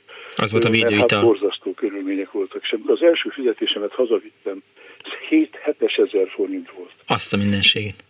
Az nagy pénz volt. Hát hogy ne. Nem is engedtek hat óránál többet dolgozni. És letettem az asztalra, édesanyám rám nézett, és azt mondja, hogy kisfiam, ez becsületes pénz. Igen, bankotra nem, voltál, fiam? Igen, nem hitte el, hogy ennyi pénzt lehet keresni, hát majdnem háromszor annyi volt, mint édesapámnak a, a havi fizetése. Mondhatok még egy sztorit? Hogyne, hogyne, hogyne, hogyne. Volt már vagonkirakás, Miskolcon akkor az egyetemet, az egyetemi erőmű fűtött, tehát most is gondolom azt, de akkor szénnel fűtötték, és az egyetemi erőmű igazgatója az látta, hogy elég dolgos gyerekek vagyunk egy páran, és ott jöttek ezek az 51 tonnás orosz szenes vagonok. De ezek mindig este jöttek, és akkor kitolták oda az erőmű mellé, és azokat ki kellett pakolni. És vállalkoztunk mi is úgy, hogy az előbbi betelefonáló mondta, hogy időre kellett menni. Este telefonált, hogy fiú, itt van tudom, három vagon, akkor kimentünk hat pajtásommal, nekiálltunk, és, és fejen, két fejenként egy-egy vagont kipakoltunk. 510 forint kettőnknek, az is nagy pénz volt, ez egy héten egyszer vagy kétszer megismétlődött, akkor már nagyon-nagyon a pénzünknél voltunk. És még egy dolog, hogy én újságot is írtam, és akkor volt egy olyan újság, hogy a mi egyetemünk, ez egy, ez egy, hát egy, egy elég jó lap volt, nem az, hogy már én is írtam a kultúrovatba, de egy nagyon jó újság volt, és az Észak-Magyarország. És külsősként dolgoztam, és úgy félflekkenként, talán tudja persze, hogy tudja, hogy mi a flek. De akkor még vonalzóval tördeltük a lapot, meg hát szóval más volt és ez nekem komoly bevételt jelentett. Havonta 3-4-500 forintot cikkenként, hát vagy bocsánatot kérek, havonta 3-400 forintot pluszba az ösztöndíj mellé, ez egy komoly pénz volt akkor. De hagyd kérdezzem hát, meg, honnan volt önnek fizikuma ahhoz, hogy, hogy vagont rakodjon? Iszonyatosan nehéz hát, munka. Hát mert sportoltam előtte. Aha, hát ez, ez nem derült hát még ki. Elég masszív gyerek voltam, úgyhogy persze, és akkor, de éjjel egyre, fél kettőre kész volt a vagon, tehát a 25 tonnánkat kiraktuk, tehát nem úgy kellett ám kirakni, hogy tolni is kellett, hanem úgynevezett gólyára, tehát ilyen futószalagra kellett két nyíláson át kirakni. Lapátolni. A hatalmas szenes lapátokkal, úgy, uh-huh. úgy mondták, hogy átkarolni. És ez egy, a gólyát, a gólya az egy olyan szalag, hogy van középen egy törés. Igen. Tehát megy fölfelé, és aztán tart lefelé, és ott rakja a kupacot. És ott megtelt a kupac, akkor arrébb egy picit át, és akkor ott volt és hát szóval ezzel komoly pénzeket lehetett keresni. Igaz, hogy másnap reggel hát nem minden alkalommal mentünk előadásra, és veszettünk néhány katalógust, viszont nem kellett otthonról sörpénzt kunyerálni, mert volt bőven. Úgyhogy ez körülbelül ilyen volt akkor a diákélet. Nem kellett annyit dolgozni, mint a mai diákoknak. Ja. Lényegesen kevesebbet kellett dolgozni. Aki, aki egy kicsit nagyobb lábon akart élni, annak kellett dolgozni, de egyszerű megélhetéshez dolgozni nem kellett. Köszönöm szépen, hogy elmondta mindezt. Kérem, minden jó. Viszont hallásra. 24 06 95 3, 24 07 95 3 a diák munka, illetve hát a zseppénz kiegészítéséről szól ma az Annó Budapest. Ugye most már volt újságírás, volt vagonrakodás, volt Budapesten runcsó értékesítés, nyilván jönnek még mások is. Halló, napot kívánok! Kívánok! Hát ismét visszatérnék részletesebben a diák újságárulásra. Na. A feleségemmel két évig árultuk a hétfő híreket, ami vasárnap két órakor jelent meg, illetve akkor kellett érte menni a lebontott, újraépített Népszabadság, Szabad Nép székház mögött, uh-huh. a kis utcában volt, volt a nyomda. Várja, melyik volt mindenki... ez? Bacsó Béla utca? Bacsó Béla utca volt igen, talán? Igen, igen.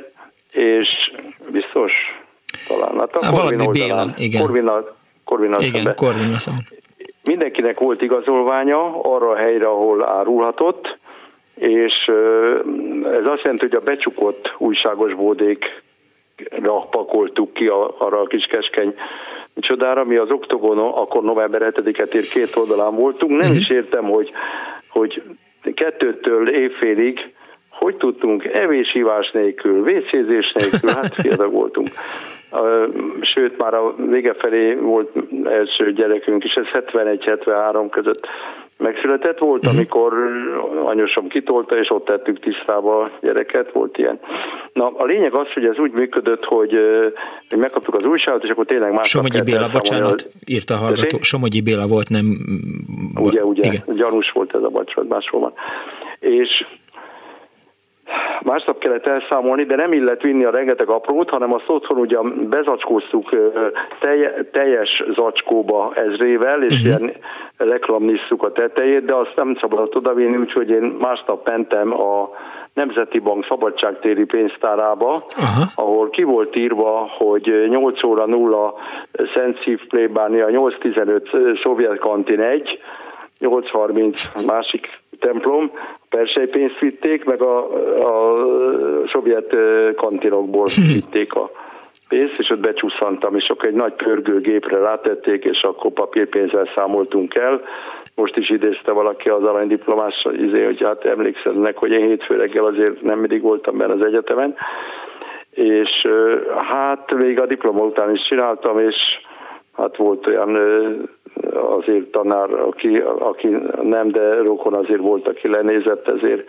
Hm. És a, akik ott, szere, akik ott együtt a Király utcai, Magyarhovszki utcaiakkal egy brigádban voltunk, az egyikük a, a londoni követségen lett tisztségben, a másikuk egy egyetem jogi tanszék vezetője lett, szóval ott azért megdolgoztunk azért a pénzért, és hát ugye az a lényeg, hogy mínusz 20 foktól plusz 40 fokig kínáltunk a, a szabadban. Na most volt esti írlap is, ahogy az előbb mondta egy betelefonáló, én is a Árpád Hitesti hétfőn álltam, ott nem tudom, hogy volt-e igazolvány vagy nem. Rontátok, rontottátok esetre... egymás üzletét a hallgat... rontottátok egymás üzletét a másik hallgatóval.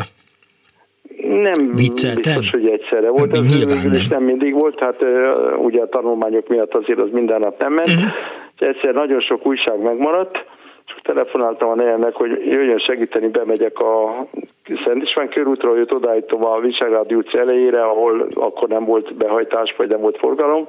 Azt mondja, ő ezt nem, hát ő belehalna, hogyha ezt kéne csinálni. És akkor eszünkbe jutott, hogy hát a Rutka Éva a 45-ös filmben ugye kiabálta, hogy itt a valami pesties valamit ugye rikkancsként, uh-huh. akkor ez is egy szerep, és akkor nem lesz gond, őt ott hagytam, és akkor mentem a Jászai Maritére a kettes villamos végállásra. Az végül is ebből, ebből szedtük össze az első lakásba a beugrót. Az igen.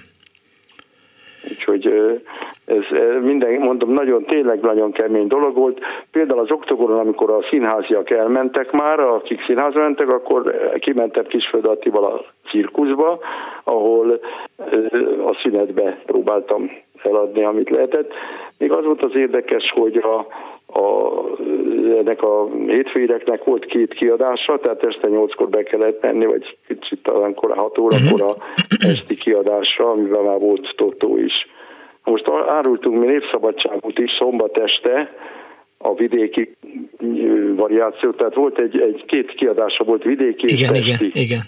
Mint a nem, nem hiszem, hogy az közismert. A vidékiben mások voltak a hirdetések, és tulajdonképpen a cikkek egy része is és hát ott azért, ha másnap megpróbáltuk azt eladni a hétfőírek mellett, azért ciki volt, mert abban még nem volt benne a totó eredmény. Igen. No. Ja, és az érdekesség, hogy ugye újságárulásra kezdtük, és 32 éve a legnagyobb építészeti lap tulajdonosai, kiadói vagyunk. Tehát, hogy ez, ez lett az újságárulásból újság Melyik? tulajdonos. Tessék? Melyik építészeti lapja? Szép házak. Szép házak. Ez a legnagyobb, legolvasottabb. Igen. Köszönöm szépen, Uram, hogy hívott. Szívesen. Viszont hallásra. Kapcsolódik. A 70-es évek elején, mármint a hallgató üzenete, Fruzsié, a 70-es évek elején még felső árultam hétköznap az esti lapot, vasárnap délután a hétfői híreket. Az esti 80 fillér volt, és ott legtöbben egy forintot adtak, a hétfői 1,50 volt, így kerekítve két forintot kaptam, tehát az jobban fizetett. De az előző újságárus nem emlékezett pontosan, mert amikor megkaptuk az újságokat, azt is megmondták pontosan, hogy hol árulhatunk.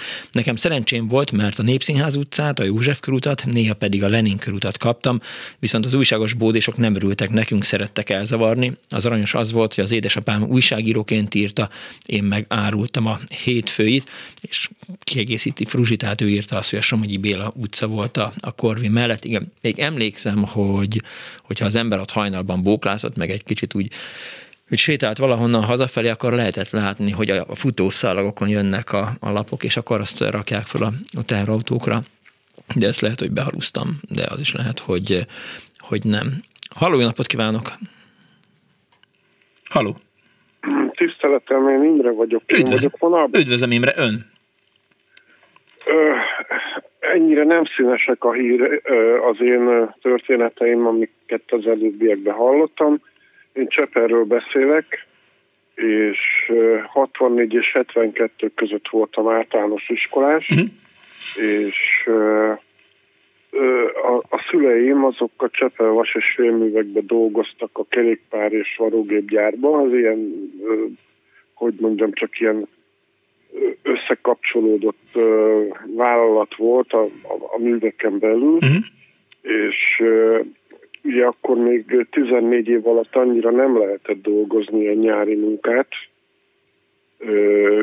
gyárba, Igen. 8, 8 órába, és de a szülők azok valahogy elintézték azt, hogy én, én dolgozhattam, még, még nyolcadikos se voltam, hm.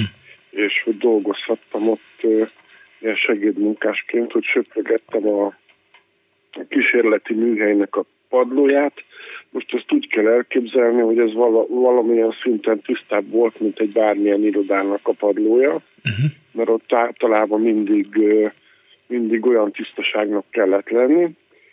Gyakorlatilag itt olyan emberek dolgoztak, akik esztergályosok voltak, marósok voltak, különböző szakipari munkákat végeztek. Lényeg a lényeg, hogy volt voltak ott olyan emberek, akik ismerték még a nagyapámat.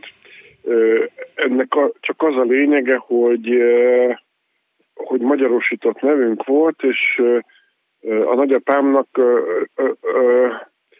hát Ritzinger volt a neve, és, és akkor mondták, hogy gyerek is Rici, és söpörd össze azt, amit most össze, összehortunk ebből a koszból, és tehát ebből, ebből telt a dolog, de hát ez még mondom, ez még nyolc általános végzés előtt volt. Uh-huh.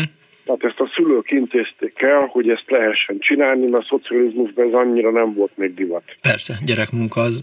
De de várjál, vagy várjon, hogy akart ön, vagy akartál dolgozni? Hát hogy ne. Az elején elfelejtettem mondani, hogy én általános iskolában 64-ben kezdtem az általános. 64-től 72-ig azt megjegyeztem, igen. Be, be, volt, be volt ígérve a szüleim által, hogyha kitűnő leszek, akkor kapok egy versenykerékpárt.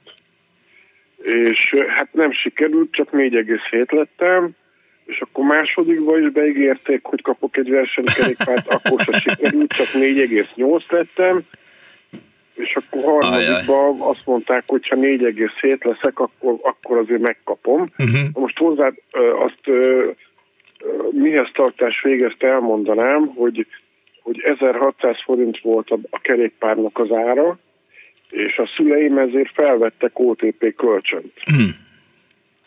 És úgy gondoltam, hogy én nekem úgy kötelességem ebbe besegíteni, és akkor ezért, ezért is csináltam a dolgot, meg hát jó pofa dolog volt az, hogy bemegy az ember egy olyan, olyan nagy gyárba, ahol kapukba lépő van, meg stb. stb. Uh-huh. És uh, már pontosan a, a, az összegre nem emlékszem, hogy mennyit kerestem, szerintem a 400 és 800 forint között havonta, de hát végül is a szülők elintéztek, hogy ezt a, lehet ezt a söprögetést csinálni. Uh-huh és... És mikorra hát, mentél söprögetni? Délután négykor tanultál otthon, aztán mentél egy kicsit? Nem, hát ez a, a nyári szünet. Ja, nyári, nyári szünet. szünet. Uh-huh. És, és akkor ez, ez, ez volt a, a, az a dolog, ami, ami félig illegálisan, de, de azért működött. Értem.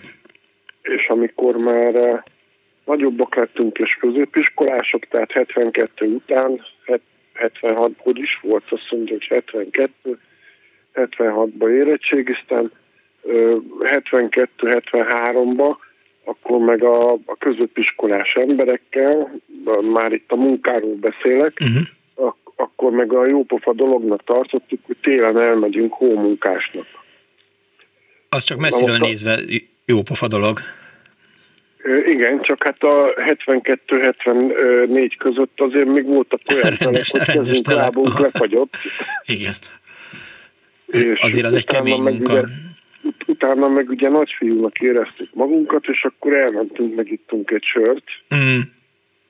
És Egi. hát így, így, így, így teltek a diák évek. Aha.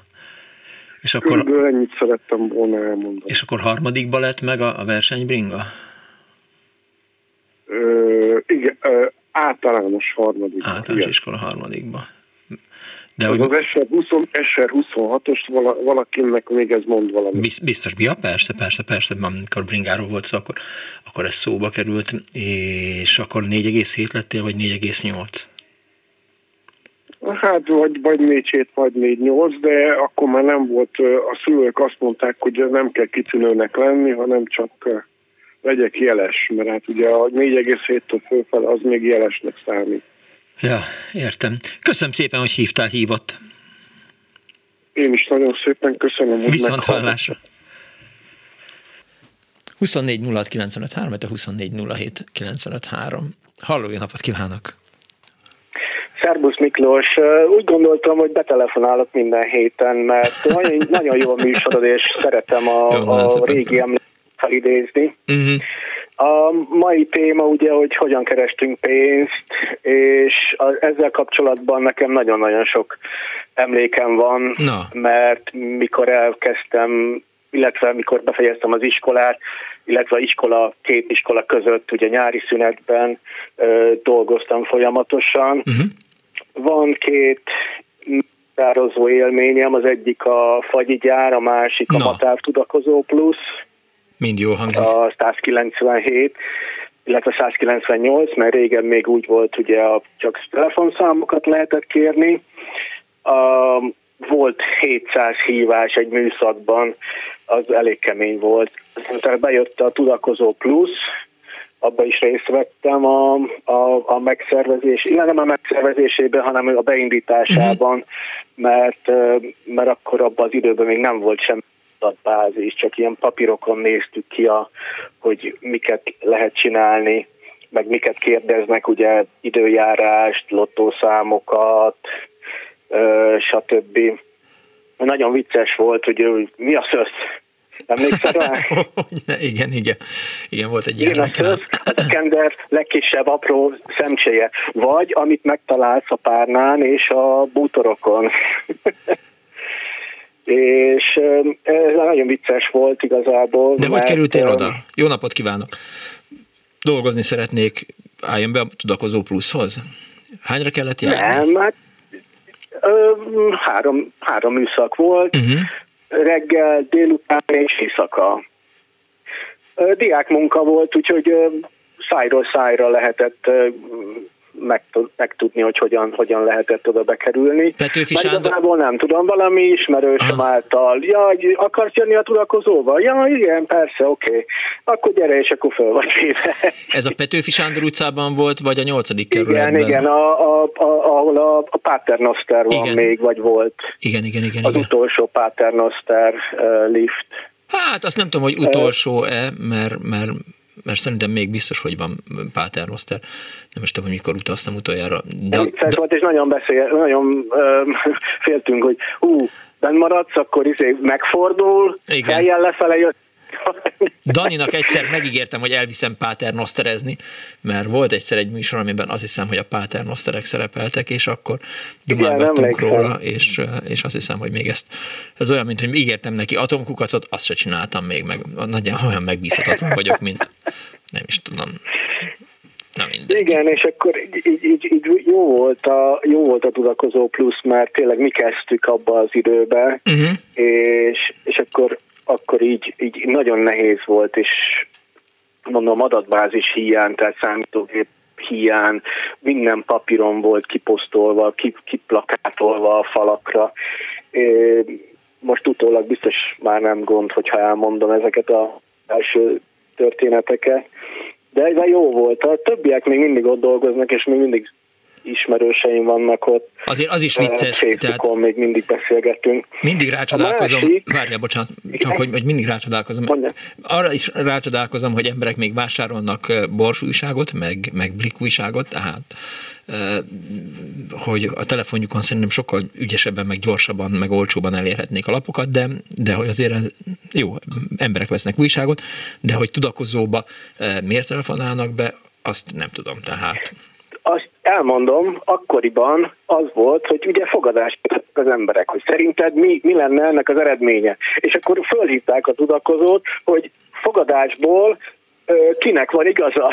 És ja, akkor azt nekem azt... kellett eldönteni, hogy most ki nyerte a fogadást. Biztos, hogy volt olyan, hogy, hogy tévés vetélkedőkben, mit tudom én, Vágó István, vagy vagy valamelyik ilyen Rózsa György föltette egy műsort, akár a kapcsoltamban, és akkor ugye volt egy idő. Akkor és még nem volt tudakozó ak- szerintem. Akkor még nem de... volt? Nem, hát a kapcsoltam, hát az 80-as évek, ez meg 90, nem tudom mikor kezdődött. Uh-huh. 9, 2000, 99, 2000. Aha. Értem. De hát csak korábban ja, kellett már, hogy korábban kellett már, hogy legyen tudakozó plusz, nem? Nem, a tudakozó az megvolt, az ugye, meg amikor volt, telefonszámokat igen. kérhettél. Igen. És a tudakozó plusz az, az a 197 volt abban az időben, és az 2000, szerintem, várjál, 2000, hm. 2004 kb. Hát fura. Mert 2099-ben érettségiztem, utána uh-huh. kerültem, ja, 2004 körül, 2003-2004. Az előbb félbeszakítottalak, illetve belekotyogtam, mert egy sztoriban voltál, elkezdtél valamit mondani még. Ja, a másik munka, a, a fagyigyár, a, az igen, na. Török Bálint International gyárba, a, az is nagyon klassz volt, az is ilyen nyári Ott mit munka csinálni? volt. Fagyit enni? Mínusz hét fagyit lehetett tenni, amennyit csak akartál, nem lehetett ö, hazahozni, csak minden egyes hónap végén lehetett venni, mit tudom én, hogy 10 kiló fagyit, és mm. akkor azt lehetett ilyen nagy bödönökbe hazahozni. Mm. És ott volt egy ö, érdekes eset, mert egy teológussal dolgoztam együtt, és ez a teológus elég sokat mesélt nekem a vallásról, stb. Aztán yeah. utána megtértem, és megkeresztelkedtem hmm. érden az evangélikus templomba. Értem. Tehát Isten útjára a, a török bánti fagyigyárban léptél.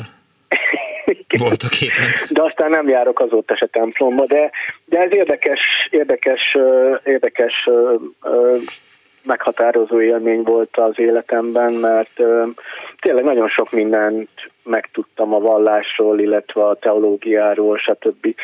És, és a munka is jó volt, mert fél órát kellett dolgozni, és fél órát meg pihenni, mert ugye hideg volt a, a, a raktárban, uh-huh. mínusz 8 fok, vagy 7-8, és akkor így pakoltuk a dobozok raklapokra, jött át a, a, a szalagon a van a fagyi, aha. és akkor azokat kellett meghatározott aha. sorrendbe lerakhodni, és akkor így körbe tekerték ilyen ö, ezzel a filmmel.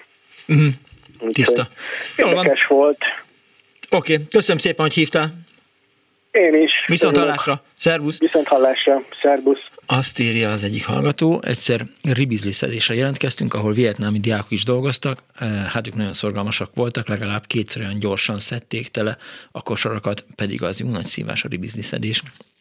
Annál talán csak a, a málnaszedés a, a nagyobb, illetve azt írja egy másik hallgató, hogy, hogy a 80-as évben már volt különleges tudakozó, a, mármint, hogy akkor úgy nevezték, hogy különleges tudakozó ezt a 80-as években, ezt a Viberen írták a, a hallgatók, úgyhogy köszönöm szépen. Igen, hirtelen, jó, elárasztották a, az SMS falat a, a különleges tudakozóról szóló információk. Eh, ugyanilyen profil korábban volt. Igen, köszönjük szépen. Szia Miklós, a Markóban van mi atyánk, már mint Páter Noszter, eh, sért érintettként egyébként.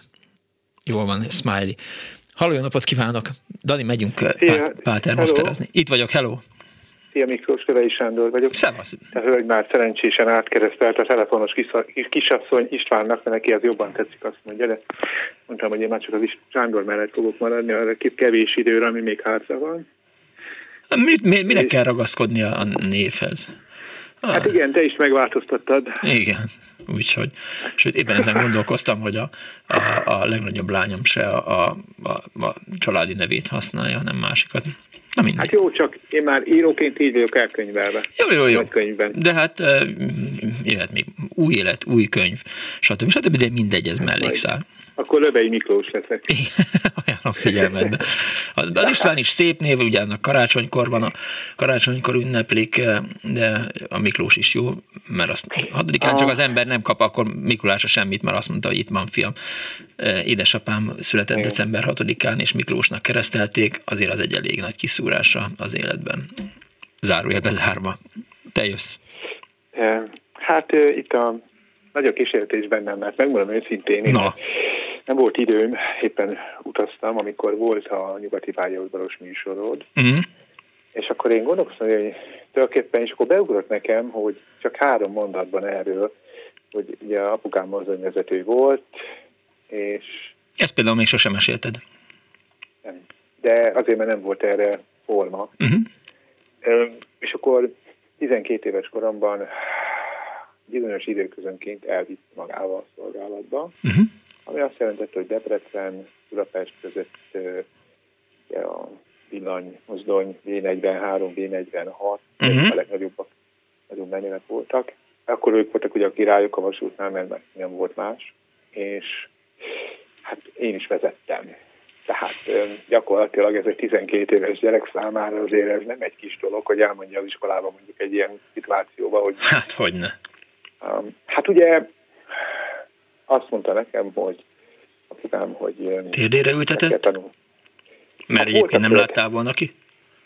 Nem, lá, kilátni ki lehetett, nem, Igen? csak voltak követelmények. Tehát teljesen autodiakta, vagy teljesen laikus módon nem lehetett odaülni. Nem azt mondta, hogy az alapvető dolgokat szépen meg kell tanulni, mm-hmm. és azokat mondani is kellett. Tehát, hogyha jött a jelző, akkor meg kellett mondani, hogy ez milyen jó, hát ezek nagyon az alapok voltak nyilván, mert ez egy rettenetesen nehéz dolog, hisz egy ilyen tanfolyam is főiskola után öt év. Tehát még egy egyetemnek megfelelő a vasúti kereszt az egy pokoli dolog. Uh-huh. De ettől függetlenül, és akkor az az érzés, hogy ott ülnek ugye, nem tudom én, két-háromszázan, és akkor ugye a csarnokba én vezettem be, gurítottam be a vonatot egészen a bakig. Ez igen. Ott egy bak, és akkor teljesen egy ilyen négy-öt méter előtte kellett megállni és akkor annak az atmoszférája, hogy a mozdonyból kinéz az ember, és akkor az utasok hm. kicsit ilyen, bennem volt egy ilyen, egy ilyen büszkeség, hogy most kinéz, hát, és akkor látom az utasokat, és akkor Elhoztalak ide benneteket.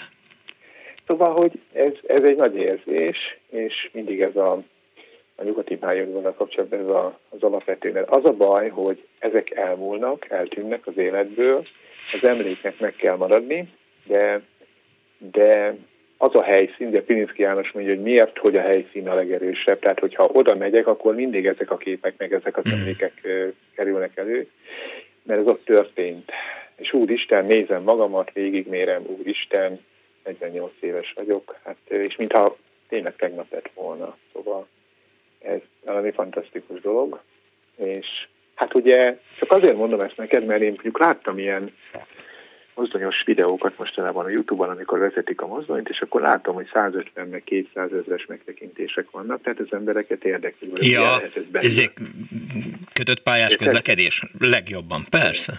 Igen, de hogy úgy belülről milyen az ott ülni, meg nem tudom micsoda. És úristen, elkiáltok te jó ég, de hát én ezt csináltam is, tehát ez egy ilyen.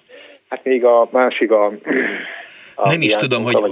hogy melyik vonatnak az ablakára, talán a Transsiberia Express nek a, a mozdonyablakába raktak ki egy, egy kamerát, és gyakorlatilag végigmegy a, a, az útvonalon. Igen. És Igen. hogy azt meg lehet nézni uh, videón, nyilván egy kicsit felgyorsítva, mert ha az ember rendes sebességgel nézi, akkor, akkor másfél évig ott kell ülni a, a tudom én, egy hétig a, a laptop előtt, vagy a képernyő előtt, de meglehetősen jól tud kinézni a zárója bezárva. Hát igen, meg gondolj bele még erről csak annyit, hogy amikor az ember felül egy ilyen mozdonyra, akkor bizonyos értelemben akkor is, hát 12 éves, ő egy vasutassá válik. Mert azok az emberek, akikkel nem találkoznak az utasok, mert azok fékezők, mindenféle figurák, azok odaszállnak föl, néha adnak föl valamit, stb., és akkor az ember elveszi, akkor már egy, egyfajta kollegiális viszony alakul ki, ami egy gyerek számára nagyon érdekes. Tehát mm. akkor te már egy, ha te 6 euróra felülnél, akkor egy kolléga lennél ott azonnal. Nem kérdeznék tőled, hogy te most mit csinálsz, te rádiózol, vagy nem te, hanem, hanem akkor azt gondolnák, hogy te is az vagy, aki vagy ott. Na jó. Tehát, hogy ez egy nagyon, nagyon, ez a kohézió most hiányzik a világból. Jó, most nem próbáljuk a világ összes problémáját megoldani, Jó, maradjunk a diák Mondanám a munkát. Hát én igazából diák munkán egyszer voltam, pontosabban két alkalommal, de az egyik az, az a, az a Balástyán volt, Szeged mellett, ahol egy hétig hát balackos vettünk. Na most 18 ezer forint volt a fizetés, 91-ben, ami úgy gondolom, hogy egy jó havi fizetése volt egy felnőtt komoly embernek, hogy úgy mondjam. És hát ezért kellett gyakorlatilag 50 láda balackot venni. De ez nem volt annyira sok, viszont néhányunkat kiválogattak, és azt mondták, hogy francia exportra megy hmm. a legszebb. És nem a mennyiség számít, hanem szépen szedjünk össze néhány darabot, üljünk le egy kis székre, és nézzük át milliméterre milliméterre. Az utolsó folt, ha rajta van, akkor dobjuk ki, és tegyünk a kosárba másikat, vagy a tárcára. Ezért sokkal többet fizettek, én 22.500 forintot kaptam a két hét után, míg mások 18-at, mert idegileg, meg türelemmel ezt nem bírták. Uh-huh. Tehát ők egész nap kovályogtak a fák alatt, egymást ütötték, verték, és ebbe a intellekt... Tehát az intellektuálisabb munkában nem fértek bele ezek a dolgok, uh-huh.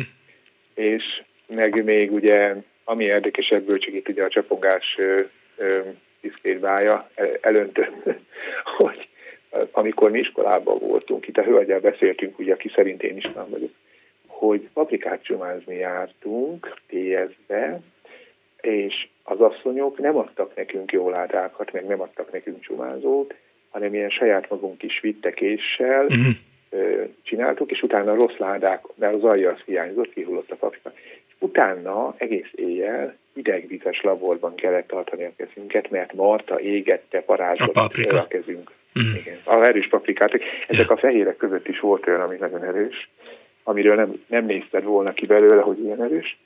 És ez 100 forint, 87-ben 100 forintot fizettek egy hétre, tehát 5 napra, tehát ugye hétfőtől péntekig 5 napra 100 forint. Egy ilyen papírszázast fizettek 5 napra a tiézben. Az meglehetősen lehúzás volt.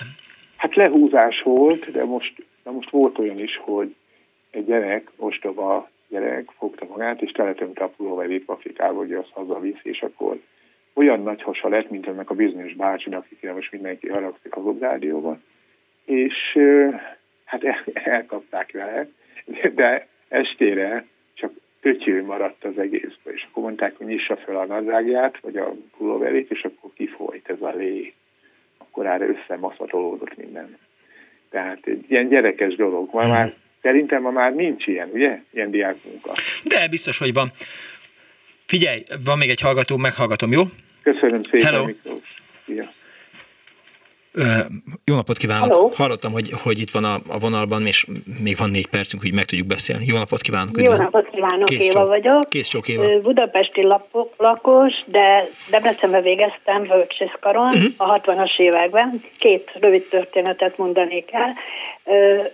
Ugye a diákokban mindig is benne volt az utazási vágy, mi próbáltuk a pénzkeresetet összehozni azzal, hogy közben valahol merre menjünk is, uh-huh. bár ez nagyon korlátozott volt annak idején, úgyhogy egyszer elmentünk Lengyelországba, egy nemzetközinek meghirdetett építőtáborba, ami fizetős volt, tehát hogy kerestünk is pénzt. Végén kiderült, hogy Miskolci műegyetemisták és Debreceni bölcsészekből állt a nemzetközi tábor. Uh-huh. Ettől függetlenül mi nagyon jól éreztük magunkat. Az érdekessége az volt, hogy kőkemény férfi munkát végeztünk, másfél köbméter volt a napi norma, és amit kerestünk három hét alatt... Várjál, Éva, nem ebből... derült ki, hogy a másfél köbméter az fa, vagy tégla? csatornát ástunk. Ja, értem. Azt nem mondtam? Nem. Csatornát ástunk, és másfél köbmétert kellett uh-huh. kiásnunk, és ö, bőven leköröztük a lengyel hivatásos csatornaépítő kubikosokat, mert ugye mi pénzért dolgoztuk, vagy legalábbis nekünk nagyon fontos volt, hogy sokat keressünk, és abból a pénzből, amit megkerestünk, tudtunk egy hétig Lengyelországba nyaralni. Ez azt jelentette, hogy stoppal mentünk föl a tengerparthoz. Mhm. Szerencsénkre ugye a magyar fiúk ott voltak, úgyhogy biztonságban érezhettük magunkat stoppozás közben, és tényleg felejthetetlen nyaralás volt, és még maradt arra is, hogy ugye ősszel kezdődött az egyetem, segítsünk a szülőknek, mert az mindig nehéz volt. Mhm. A másik az egy kicsit kalandosabb volt, az NDK-ban, az arra konkrétan emlékszem, hogy az 68-ban volt, ott pedig Rügen-szigeten egy halkonzervgyárba dolgoztunk, és azért, hogy többet keressünk, éjszakai műszakot váltunk, ami azt jelentette, hogy este tisztő reggel hatig futószalag mellett, uh-huh. öt ember volt egy szalagnál, és ha valakinek ki kellett mennie mosdóba, vagy esetleg rágyújtott volna egy cigire, a másik négynek kellett helyettesíteni, de valami lélekülő volt, még beszélgetni sem nagyon tudtuk. A lényeg az, hogy reggel leléptünk, utána kimentünk a tengerpartra, a balti tenger, 16 fokos víz, aludtunk tízig, utána megfürödtünk, aztán ö, mentünk még egy kicsit pihenni, és este folytattuk. Na most ami a kaland volt, hogy hazafelé úgy jöttünk, hogy vonattal, oda is vonattal mentünk egyébként, és az egyik évfolyam társunknak az unoka tesója Dresdában tanult ifjú munkásként, vagy nem tudom, volt abban az időben ilyen, hogy magyar diákok ki igen, voltak, igen, és igen. ilyen műszaki ismereteket szereztek. Volt egy betelefonálunk, igen, éppen, aki Jénában tanult. Igen, na, hát ők azt hiszem egyetemisták voltak, de akikhez mi mentünk, ezek ilyen szakmunkás tanulók uh-huh. voltak, de mindegy, hát végül a lényeg az volt, hogy ők ott laktak kollégiumban, és amíg ők nappal mentek suliba, vagy dolgozni, mert már gyakorlaton voltak, nappal dolgoztak, mi aludtunk az ágyukba, és akkor szóval ilyen ágyváltással, mert hát azt a pénzt, amit megkerestünk, azt nem akartuk szállásra költeni, de hosszú volt az út hazáig, úgyhogy ott megszakítottuk. Aztán jöttünk haza tovább, és a mellettünk lévő vagon az egy hálókocsi volt. Mi pedig ülőkocsiba utaztunk, de iszonyú sokan voltak, úgyhogy a folyosón ülve, és azért ez egy elég hosszú út voltám, és nyár volt, meleg volt, stb. És aztán kiszúrtuk, hogy a mellettünk levő hálókocsis vonat üres, üres és akkor úgy négyesével átszögdöstünk aludni. De hát annyi eszünk nem volt egyetemista létünkre, hogy átvegyük a cuccunkat, és lényeg az, hogy Prágába Elindult másfelé a vonat. a hálókocsit. Éreztem, hogy ez lesz a vége. Csomag, útlevél minden nélkül ott ragadtunk egy páran, de a legviccesebb az volt benne, hogy Várjál. akkor voltak a szlovák események. De várjál, Úgyhogy... vége van a műsornak. Gyorsan mond a poént. Hát az, hogy, hogy nem lelkesedtek azért, hogy mi 68-ban oroszul próbáltunk ja, ja, ja. a csehekkel beszélgetni arról, hogy szeretnénk hazajönni, de nincs útlevelük. Ja. A lényeg az, hogy hazajöttünk úgy, hogy szob, szob felé jöttünk mi, a többiek Komáromnál, de sírtuk, hogy engedjenek haza bennünket, és utána el kellett menni a személyig, vagy az útlevelünkért Komáromba, mert ott az évfolyam társaink leadták, hogy haza tudjunk jönni. Ja, értem. Köszönöm szépen, hogy hívtál izgalmas volt. Én is köszönöm. Viszont hallásra. Kicsit csúsztattam a műsort. A mai műsor szerkesztő, mint mindig, Árva Brigitta volt. Létrehozásában segítségemre volt a, a potméter menedzser Kemény Dániel, a telefonnál Kismária, Kardos Józsi küldött eh, archívokat, illetve hát eh, Pálinkás van készített videót. Egy hét múlva is lesz Annó Budapest. Köszönöm szépen megtisztelő figyelmüket. Give peace a chance, Putyin rohagy meg véhallás. I'd like to know